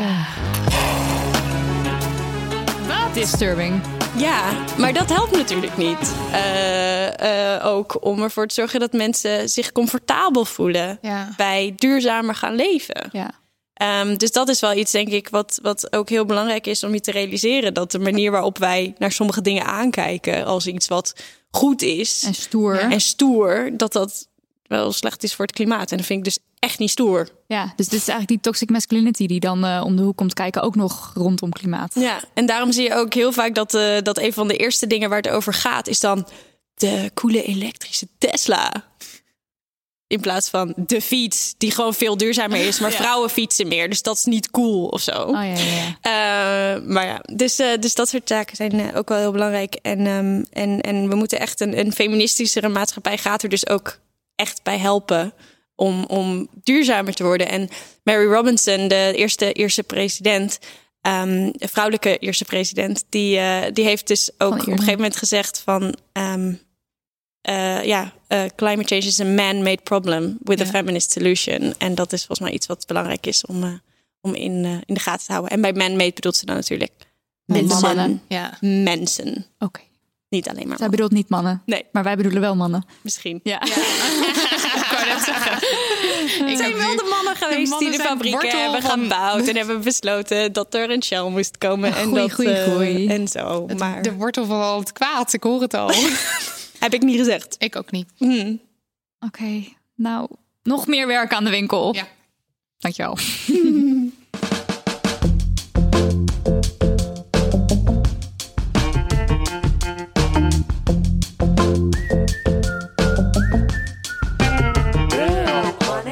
Dan komen we nu bij de rubriek der rubrieken, de Damn Honey Yes en No. Nidia, wat is je Damn Honey No? Ja, uh, lang en breed al uitgemeten op Instagram, maar ik ga het hier toch eventjes benoemen. Eén, omdat ik weet dat we luisteraars hebben die niet op Instagram zetten. Dus die hebben dat helemaal niet meegekregen. Twee, omdat ik denk dat ik deze boodschap echt niet vaak genoeg kan herhalen. Al helemaal omdat het uh, zomer uh, wordt, is. Is. is. Het is al een tijdje zomer. Is, sorry. Een paar dagen. Uh, lekker weer.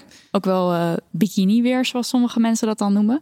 Uh, want waar ik het even over wil hebben is over body shaming. En waarom wij het op Instagram daarover gehad hebben, kwam door een artikel van Linda. Uh, dus de website die bij het blad hoort. En wat zij hadden gedaan was een artikel publiceren waarin stond van, nou mensen, we hebben nu toch zoiets fantastisch. Je hoeft niet meer te diëten. Uh, je kan tegenwoordig je lichaam gewoon shapen als je naar het strand gaat. Dus je hoeft er geen ijsje minder om te eten. Je kan je gewoon van top tot teen ondersmeren met make-up. Uh, en nou, je zwangerschapsstriemen gaan er niet van weg. En je te brede heupen en je te brede dij. is niet een daadwerkelijk probleem, oplossing voor dit verschrikkelijke probleem dat je lichaam Mogelijk heet. lijf. Ja. Maar um, het is in ieder geval een manier zodat je je toonbaar, uh, zodat je het strand op mag. Zoiets was de insteek. Maar dan kan je toch niet zwemmen? Hm? Maar dan kan je toch niet zwemmen? Nee, dat niet klopt. om. Maar dan maakt het natuurlijk Oh, niet dat uit. je gezien kan worden. Want Oh. anders kan je überhaupt niet naar het strand, Kim. Oh, oh. Ah, stupid me. En dit, dit artikel is natuurlijk heel stom. En ik denk dat heel veel mensen meteen zullen zien van... oh, hier gaat echt iets fout. Want kijk, je lichaam shapen, helemaal leuk. Als jij dat kan, echt, ik kan het alleen maar uh, heel knap vinden. Want het lijkt me onwijs moeilijk om een groter decolleté op je lichaam te schilderen... of uh, je heupen... Ja, het is wel knap. Ja, het is gewoon knap om te doen, weet je. Dus als je daar een artikel over wil schrijven, net als je gezicht shapen, weet je wel. Ik kijk ook echt met liefde naar Nick tutorials, terwijl zij haar gezicht aan het shapen is. Want het is gewoon fucking cool wat je aan het doen bent. Dus dat is niet mijn probleem met dit stuk. Het probleem met dit stuk is dat ze doen alsof te brede heupen überhaupt bestaan. Maar goed. En als je ze hebt, dat het dan dus lelijk is. Gewoon, Ja. er wordt ook geen vraagteken bij geplaatst. Het is gewoon zwangerschapsstriemen, lelijk. Eh strié, lelijk. Weet je, anything eh, wat, ehm, ja, wat niet het ideale schoonheidsbeeld is... wat wij van alle kanten opgedrongen krijgen, is lelijk. En dat beeld zien we overal om ons heen. En dat zien we echt al decennia om ons heen. Dus dan gaat het over uh, slanke vrouwen, vaak wit, uh, lang haar, niet uh, pluizig. wat, wat heb je nog meer? Witte tanden. Ja, geen, geen zogenaamde oneffenheden. Ja. Wat we ooit geleerd hebben. Geen sinaasappelhuid of celluliet. Echt nog voordat ik wist wat het echt was, zat ik vroeger, toen ik denk een jaar 15 was, al mijn benen zo, mijn dijen samen te knijpen voor de spiegel om te kijken, heb ik dat? Is, het, is dit het ja. of niet? Moet ik nu een cremmetje gaan smeren? Volgens mij heb ik ook wel eens anti-cellulietcrème gesmeerd toen ik 15, 16 was. Ik heb liters gesmeerd en ook anti-strié-crème. Ja, dat is een probleem. En dat de Linda dan uh, het opschrijft, is niet zo heel slim van ze. Maar goed, het is eigenlijk maar een heel klein onderdeel van het probleem. Want het probleem is everywhere. En um, vrouwen onderling vertellen het ook aan elkaar. Hè? Dus we zeggen ook tegen elkaar van... oh my god, durf jij naar buiten in je, met je strié uh, na je zwangerschap? Wat dapper van jou. Echt alsof het een soort van heel bijzonder is. Uh, of moeders die tegen hun kinderen zeggen: Nee, ik ga niet mee zwemmen, want ik durf niet in badpak. Uh, of mensen die gewoon elkaar echt keihard aanspreken van. Jij moet, je, jij, moet je wenkbrauwen ja. epileren. Ja. Jij moet je, je moet je gezicht make-uppen. Jij kan niet nu naar buiten. Dit is een enorm probleem wat we echt aan moeten pakken. Uh, want generatie na generatie leren we: jij bent lelijk, jij mag er niet zijn, je moet je kut voelen over je lichaam. En ik ben er zo fucking klaar mee. Het is echt ik word zo, nou, net als klimaat, weet je wel, net, nou ja, en al die grote, waarom, waarom doen we het onszelf aan? Waar zijn we in hemelsnaam mee bezig? Maar ook dit is weer zo'n zo'n voorbeeld van zo'n groot systeem waarvan je dan echt denkt, hoe de fuck ga ik dit dan aanpakken? Want ja. die, ook hier speelt geld dan weer een rol en Heel willen erg, mensen ja. uh, producten verkopen Ja, en daar zit het in, hè? En, en met onzekerheid valt gewoon zoveel geld te verdienen. En dan heb je dus ook dat er dan af en toe een, een artikel verschijnt met eh, hou van jezelf of, of eh, weet je wel body positivity zus en zo. En dat is allemaal leuk en aardig, maar dan leg je die verantwoordelijkheid heel erg bij een individu. Zo van, nou ja, we vertellen je eh, eh, je hele leven lang, jij bent lelijk, maar hou van jezelf. En dat is gewoon niet een verantwoordelijkheid die je daar kan leggen. Nee, niet bij de mensen zelf. Nee. Klopt. En dat was dus ook wat er bij Linda gebeurde. Want uh, nou, we kregen, werden gebeld door de hoofdredacteur. En het was van, ja, nee, ik kan natuurlijk echt niet dat stuk, la, la, la. Artikel verwijderd. Maar vervolgens ownen ze niet dat het verwijderd is. Zeggen ze er niks over dat het verwijderd is. Ze wilden ons wel interviewen, dus wij dachten, nou dan kunnen we uitgebreid uitleggen wat er nou niet oké is en wat er moet veranderen, namelijk het systeem. En uiteindelijk schrijven ze in het interview vijf tips van Dem Honey hoe je nou echt van jezelf kan houden. Nee. Ja. Terwijl Nee. wij kunnen je elk jaar opnieuw, ik kan jou elke dag opnieuw gaan vertellen hoe jij van jezelf kan gaan houden. Namelijk masturberen. Masturberen. Een van onze toptips. Namelijk ga jezelf niet staan haten voor de spiegel. Ehm, Lizzo eh, luisteren. Luister Lizzo, lees Dem Money. Weet je, ik kan dit al, elke keer weer vertellen. Ik kreeg ook heel veel DM's van mensen die stuurden van... ik heb een vriendin die niet in bad... Wat kan ik doen? Ja, ik kan wel elke keer gaan zeggen van... hou van jezelf, maar het systeem moet veranderen. Ja. Dus en, het, en de volgende generatie moet gewoon niet eens meer met deze shite in aanraking komen. Je moet gewoon niet opgroeien met het idee dat je er, dat je, je er niet niet oké bent Ja. zoals je bent. Ja. Nou ja, dit is ook allemaal weer kapitalisme. Hè? Dus dit komt ook weer mooi terug op eh, waar we het net over Zie hadden. je? We hebben een feministischere maatschappij nodig, dan wordt alles beter. Ja, het is echt zo. Eh, maar nog heel eventjes, dus voor alle mensen die nu luisteren en die zich nog steeds heel kut voelen over hun lichaam. Het is niet jouw schuld. Je hoeft je niet ook weer een schuldgevoel hebben te, te hebben over dat je je kut voelt in je lichaam. Want dat is natuurlijk, dat komt er nu weer overheen Oh met, ja, ja. met body positivity of body neutrality. Dat je dan weer je schulden gaat voelen over dat je je lelijk voelt. Terwijl dat niet jouw schuld is, want systeem. Maar ik hoop wel echt dat het je lukt om dat los te laten. Toch? Ja. Ik heb een keer een workshop met jullie gedaan. En toen gingen jullie aan mensen, eh, moest je aan eh, degene die naast je stond vertellen wat je mooi aan diegene vond. Ja, dat, dat was, zo fijn. Ja. Ja. Dat is wel een goeie om het gewoon te doen met je vrienden. Dat je gewoon eventjes met elkaar van wat vind je nou echt. En, en gewoon eventjes heel erg duidelijk aanwijzen van dit, weet- dit is heel mooi aan jou. En je lacht Ja. zo blij. En je ogen stralen zo fijn. En dat je Ja. gewoon weer eventjes even die boost krijgt. Ja. En ook om die schaamte eens open te gooien. Want als je het dus met vriendinnen hebt over... hey, we gaan zo meteen zwemmen... en ik vind altijd zo... eh, mijn bikinilijn krijgt er niet glad. Of whatever, weet je wel. Wat ook maar jouw issue is. Want ik denk dat iedereen wel iets kan bedenken... wat hij lelijk vindt aan zichzelf. Ja, anders zit Dan je ook is maar het weer ook in maar, je... is het weer opengegooid. En Ja. dan is het ook weer van... oh ja, dat heb ik ook. En ik heb ook die gevoelens. En wat rot en wat stom dat, dat het ons zo tegenhoudt eigenlijk. Ja, want anders denk je ook maar weer dat je in je eentje ja, ja aan het zelf haten bent. Ja, en dat je, je zit enige bent, met z'n iedereen allen. heeft Ja. dit. Ja. precies. Ja. En eh, wij, hebben het, we hebben aan de hand van het Linda-stuk een, eh, een zwem, eh, feministisch zwemclubje één ochtend eh, gehad. leuk. Om kwart over acht doken wij het water in met een groep van ongeveer 15 mensen. ehm, zonder mensen die gingen zeggen: Jij ziet er niet uit of zo, wat normaal zou moeten zijn. Maar goed, het is helaas niet normaal. En bij een volgende hittegolf hopen we ook weer zoiets op te zetten. En Ja. dan hopelijk ook groter. Dus eh, door heel Nederland overal feministische zwemclubjes zonder body shaming. Vet. Ja, it's coming. Ik kan wel janken. Ja, damn honey, yes. Ja, eh, dit wordt een beetje een, een, een treurige aflevering. Maar ik, eh, mijn Damn Honey Yes is een Netflix-tip. Maar ik heb dus niet het gevoel dat ik zomaar een Netflix-tip kan geven... zonder even aan te stippen wat er, eh, wat er nu aan de hand is rondom Netflix. Namelijk dat ze een, ehm, ja, een film hebben uitgebracht... die op zijn zachtst gezegd eh, kut is. Ik wil heel even een kleine trigger warning... want eh, dit gaat over eh, seksueel grensoverschrijdend gedrag. Dus als je dat niet wil horen, ehm, klik even door. Er is een film verschenen op Netflix en die heet eh, 365 Days. En ik heb hem zitten kijken en ik denk dat ik hem het best kan beschrijven als een soort fucked up versie van Beauty and the Beast. Eh, het, is, het gaat over Laura en zij gaat op vakantie in Italië. En zij wordt ontvoerd door een klaphark genaamd Massimo. En Massimo is hoofd van de maffia. Hij is steenrijk, doet allemaal dingen die eigenlijk niet door de beugel kun- kunnen. Zoals, ik noem maar wat, mensen doodschieten. Of mensen ontvoeren. Ja, dat ook. Maar, dat, en zeg maar zij is daar zich er dus bewust van dat hij dat doet. Ja, Eh, ja, en hij wordt, maar hij wordt tegelijkertijd heel erg neergezet als, als een soort van toch de good guy of zo. Of in ieder geval de gekwelde man. Ik heb geen idee.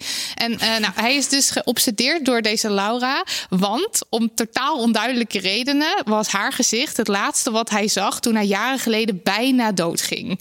Eh, en sindsdien spookt zijn, zijn, zijn, haar gezicht door zijn hoofd. En heeft hij, heeft hij portretten van haar hangen in, in zijn huis. En is hij op zoek naar haar. En eh, nou, zij gaat dan op vakantie. En hij ziet haar dan door de ramen van zijn auto. Ziet hij haar. En hij denkt: Oh my god, dit is er. En dan, eh, dan ontvoert hij haar uit haar hotel. Hij drogeert haar en hij ontvoert haar. Eh, en dan vervolgens wordt ze dus wakker in zijn paleis, in zijn kasteel. Hij heeft 3800 huizen en nou, het is gewoon een hele rijke man. En dan wordt zij wakker daar en dan zegt hij: eh, Hoi, dit is het verhaal. En hier heb je 365 dagen om verliefd op mij te worden.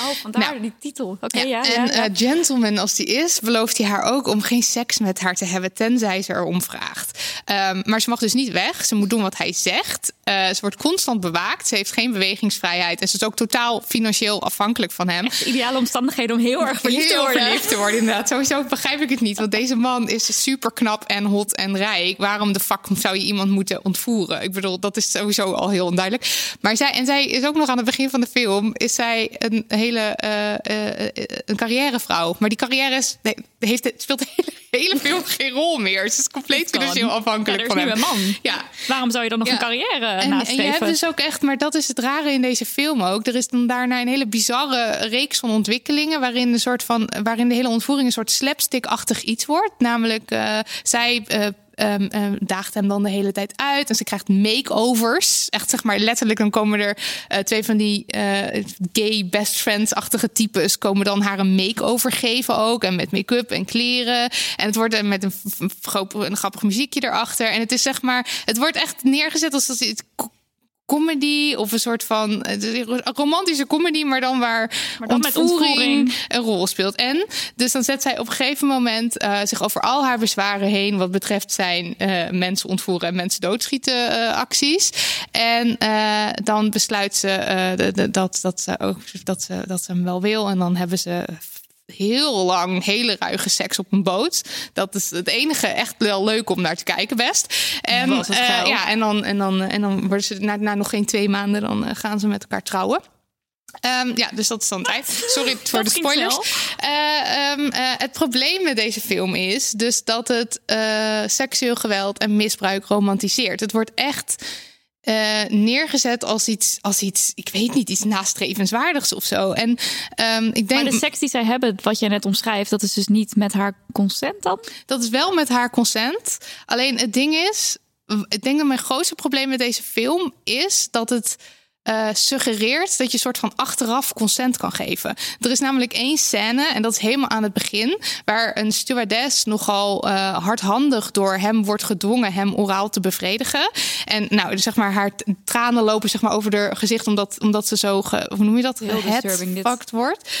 En dan, ehm, uh, op, als, als die scène is afgelopen, dan zie je haar, uh, haar gezicht terwijl ze wegloopt. En dan veegt ze haar mascara, haar uitgelopen mascara, mascara weg en dan glimlacht ze. En daarmee wordt een soort van gesuggereerd dat zij het ook leuk vond. Terwijl er niks aan die scène verder uh, kun je zien dat zij het leuk vond of dat ze instemming, toestemming gaf daarvoor. En eigenlijk vind ik die hele film is een beetje een soort van dat. Van op het moment dat, dat het lijkt alsof ze ervan geniet of van genoten heeft achteraf, dan kan het geen verkrachting zijn. Dan kan het geen seksueel geweld zijn. Mm. En dat maakt deze film gewoon best wel, um, best wel kut. En ik kan me dus voorstellen dat als je een, seksu een nare seksuele ervaring hebt gehad, of als je zelf een survivor bent van seksueel geweld, dat het super triggerend is. Uh, ook omdat het nu, het wordt echt neergezet als een soort raar sprookje, een twisted sprookje. Um, er gaan nu ook allemaal filmpjes al rond op, uh, op TikTok van meisjes die dan uh, blauwe plekken tekenen en zeg maar nadoen hoe zij dan ontvoerd worden. Want het is echt een soort ja, nastrevenswaardig ding. En, en je kan nog zeggen van oké, het is een film en iedereen zijn fantasieën. En ik zou daar. Het, ik zou het daarmee eens zijn als deze maatschappij een gezond beeld had van wat seks en wat consent is. En specifiek BDSM dan misschien ook. Ja, en, ja. Ja, ja, ja, inderdaad BDSM. En, en, en, dat we daar een, een gezond beeld van hebben... en dat we, dat we mensen ook leren hun grenzen aan te geven en zo. Maar dat gebeurt allemaal niet. En als je dan kijkt naar dat één op de tien vrouwen verkracht wordt in haar leven. En, uh, en, en dat het dus super moeilijk is om uh, sowieso, als je, als je al aangifte gaat doen, uh, krijg je te maken met wantrouwen. Je wordt niet geloofd of, of, of er is niet genoeg bewijs. Want in Nederland is het zo dat op het moment dat je geen blauwe plekken hebt of geen, geen nee roept, dat, dat je dan dus dat dan heel moeilijk is om een dader uh, ook daadwerkelijk zijn straf te laten krijgen. Ja, en één op de vijf jonge mannen was net een onderzoek naar buiten gekomen. Die, die vindt het verzachtende omstandigheden als er geen nee is gezegd. Ja, ook al is er dus wel verder duidelijk dat er geen consent is. Ja. Vinden zij het verzachtende omstandigheden bij een verkrachting? Want het is gewoon een verkrachting. En als dat de tendens is in de wereld dan denk ik niet dat Netflix zo'n film uit moet brengen. Precies. Want dat is gewoon, dat gaat niet helpen. Want het is nu al fucked up. Dus fixeer je shit. En als je dan nog steeds die fantasie hebt, breng vooral een film uit. Maar dit is niet oké. We kregen trouwens een tip van, uh, uh, ik denk van de makers zelf. Sorry, ik weet het even niet meer. Maar Meet the Kingsters, dat is een Nederlandse podcast over BDSM. Die wel dus daar goed over dingen over uitlegt. En het schijnt ook dat de Netflix-serie Banding dat ook doet. Maar ik heb dit allebei zelf niet geluisterd of gezien. Maar goed, mocht je dus geïnteresseerd zijn, ga dan niet die film, die, die 365 Days kijken, maar... Of misschien alleen die scène. en het minst feministische van Marilotte van de volgende aflevering. Nee. Oké, ja, maar ga door naar de yes. Oh ja, de yes. Nou, maar yes, hè, eventjes de boel positief afsluiten. Dat is de, uh, de, de documentaire, uh, ook op Netflix, dus Disclosure. En Disclosure uh, is een documentaire die gaat over de representatie van trans mensen in de media. en meer dan ooit werd beduidelijk hoe belangrijk representatie is. Um, in de docu zijn de trans mensen zelf aan het woord. En zij vertellen dus uh, in de eerste plaats over wanneer zij op tv iemand zagen uh, die leek op hen, waarin ze zich konden herkennen. En uh, ja, het verdriet en de pijn die ermee gepaard gaat als vervolgens die, dat personage dus wordt neergezet als iemand om te, om, om te lachen. Oh, ja. Weet je wel, een soort man in een jurk. Ridiculiseren. Precies. Ja. of iemand voor wie je bang bent. Want in heel veel films worden, worden trans mensen ook neergezet als soort psychopaat moordenaars. Mm. Of, of iemand waar. In ieder geval, er wordt door, door de media wordt je heel erg verteld hoe je erop, hoe, hoe je erop reage, moet reageren. En dan is het ook nog in de, in de docu zeggen ze dan van uh, nou 80% van de Amerikanen die hebben gewoon ook geen trans mensen in hun omgeving. Om, om zeg maar uh, dus te weten hoe echt wie trans mensen zijn. En om een echt beeld te krijgen. Dus je hebt alles wat je dus van transgender personen weet, heb je dan van, van de tv, die vervolgens vervolgens dus die mensen neerzet alsof ze niet goed bij hun hoofd zijn. En, en, en, en als je er, of je erom kan lachen of psychopathisch zijn. En dat doet gewoon heel erg veel pijn. En dan is het heel fijn om dus in de documentaire hen te horen praten over wat dat met je doet. Maar ook. Um, wat het effect daarop is. En ik weet, ja, het zijn ook gewoon zo slim. Er zitten zulke slimme mensen in die zo mooi kunnen verwoorden hoe belangrijk representatie is en waar het allemaal vandaan komt. Uh, en ergens in de serie vroeg iemand zich af of al, al die films die ze dus noemen, want je ziet de hele tijd kleine stukjes van films waar, je, waar ze dus worden neergezet, of al die films wel gemaakt zijn met uh, trans mensen in hun achterhoofd. En dat is natuurlijk een retorische vraag, want dat is niet zo. Mm. Maar dat is best wel heel erg pijnlijk. Ja, en uh, ja, ja, ja, ja, nou ja, dat was het. Ga die, ga die docu kijken, want het is prachtig. en je we hebben gewoon ook een completer beeld nodig van transgender zijn. Ja, zeker. Ja. Nou, ik ga hier ook gewoon nog een podcasttip aan toevoegen. Oh, de Genderqueebus podcast oh, ja. van Nanoa.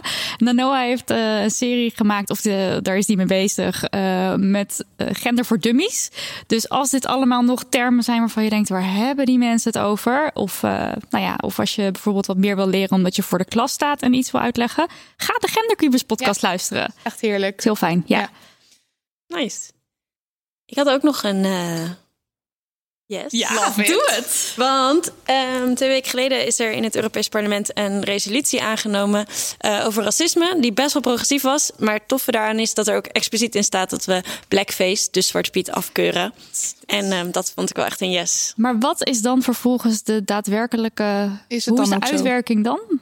Dat, we, dat je het ehm, afkeurt is meer een soort statement dan dat je het echt verbiedt. Inderdaad. Dat is natuurlijk dus al heel goed, maar uh, nee, dat kan dat niet. kunnen wij niet uh, verbieden vanuit het Europees Parlement. Maar er zijn wel echt hele stevige oproepen gedaan om, uh, om ervoor te zorgen dat institutioneel racisme in ieder geval binnen de, de Europese instituties wordt aangepakt. Dus dat is tof. Dat is al een stap, ja. Ja, zometeen is het ook het racisme-debat in de Tweede Kamer. Ja. ja. Mensen die het luisteren, dan is het al geweest. Maar ja, ook daarover blijven mensen oproepen om je daarover ja. uit te spreken, uiteraard. Aflevering 46. En mensen, we gaan de zomerbreak in. Dus de komende tijd zul je het even zonder ons moeten rooien.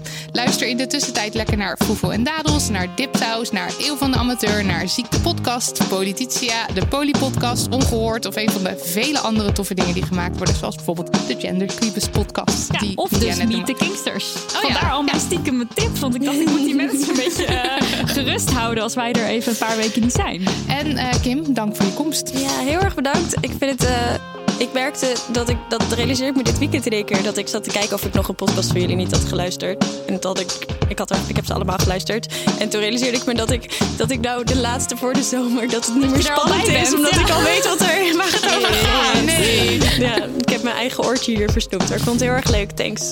Dankjewel. Uh, bedankt Daniel van de Poppen, de man achter de knoppen. Uh, over een paar dagen worden wij de verse ouders van ons hondje Toby. Oh my god, ik kan niet wachten. Ja, ik zit me al mentaal voor te bereiden nou, in positieve zin op alle foto's die binnen gaan komen van die hond in een pyjama. Want het is lippet, dus je moet de pyjama's aan. Pyjama. Maar dat terzijde. Uh, Jingleman Lucas de Gier, bedankt. Websitebouwer Lisbeth Smit, bedankt. En podcast en chill Julia en Steven, bedankt. Lieve luisteraars, fijn dat je luisterde. Uh, ja, ik heb hier in mijn draaiboek staan, heb je een verhaal, vraag of iets anders, mail. Maar we gaan dus misschien maar even niet. Even niet antwoorden. Verwacht nee, we gaan even op vakantie. Maar goed, alles is natuurlijk meer dan wel. Ja, onze mail is gewoon open. Daar kan je gewoon naar sturen. info@damhoney.nl uh, en wil je ons supporten? Dat kan met een donatie via petje.af slash damhoney of met een recensie op je Favo podcast platform. Of doe het niet. Zelf weten, een dag vakantiedrollen. Dag. Dag. Kussens, bedden, matrassen, beddengoed. Emma Sleep heeft het allemaal. Ga naar emma-sleep.nl om van jouw slaapkamer een slaapparadijs te maken. Er is nu moederdag gaande met kortingen die oplopen tot wel 50%. Gebruik de code DAMHONEY voor nog eens 10% korting daarbovenop.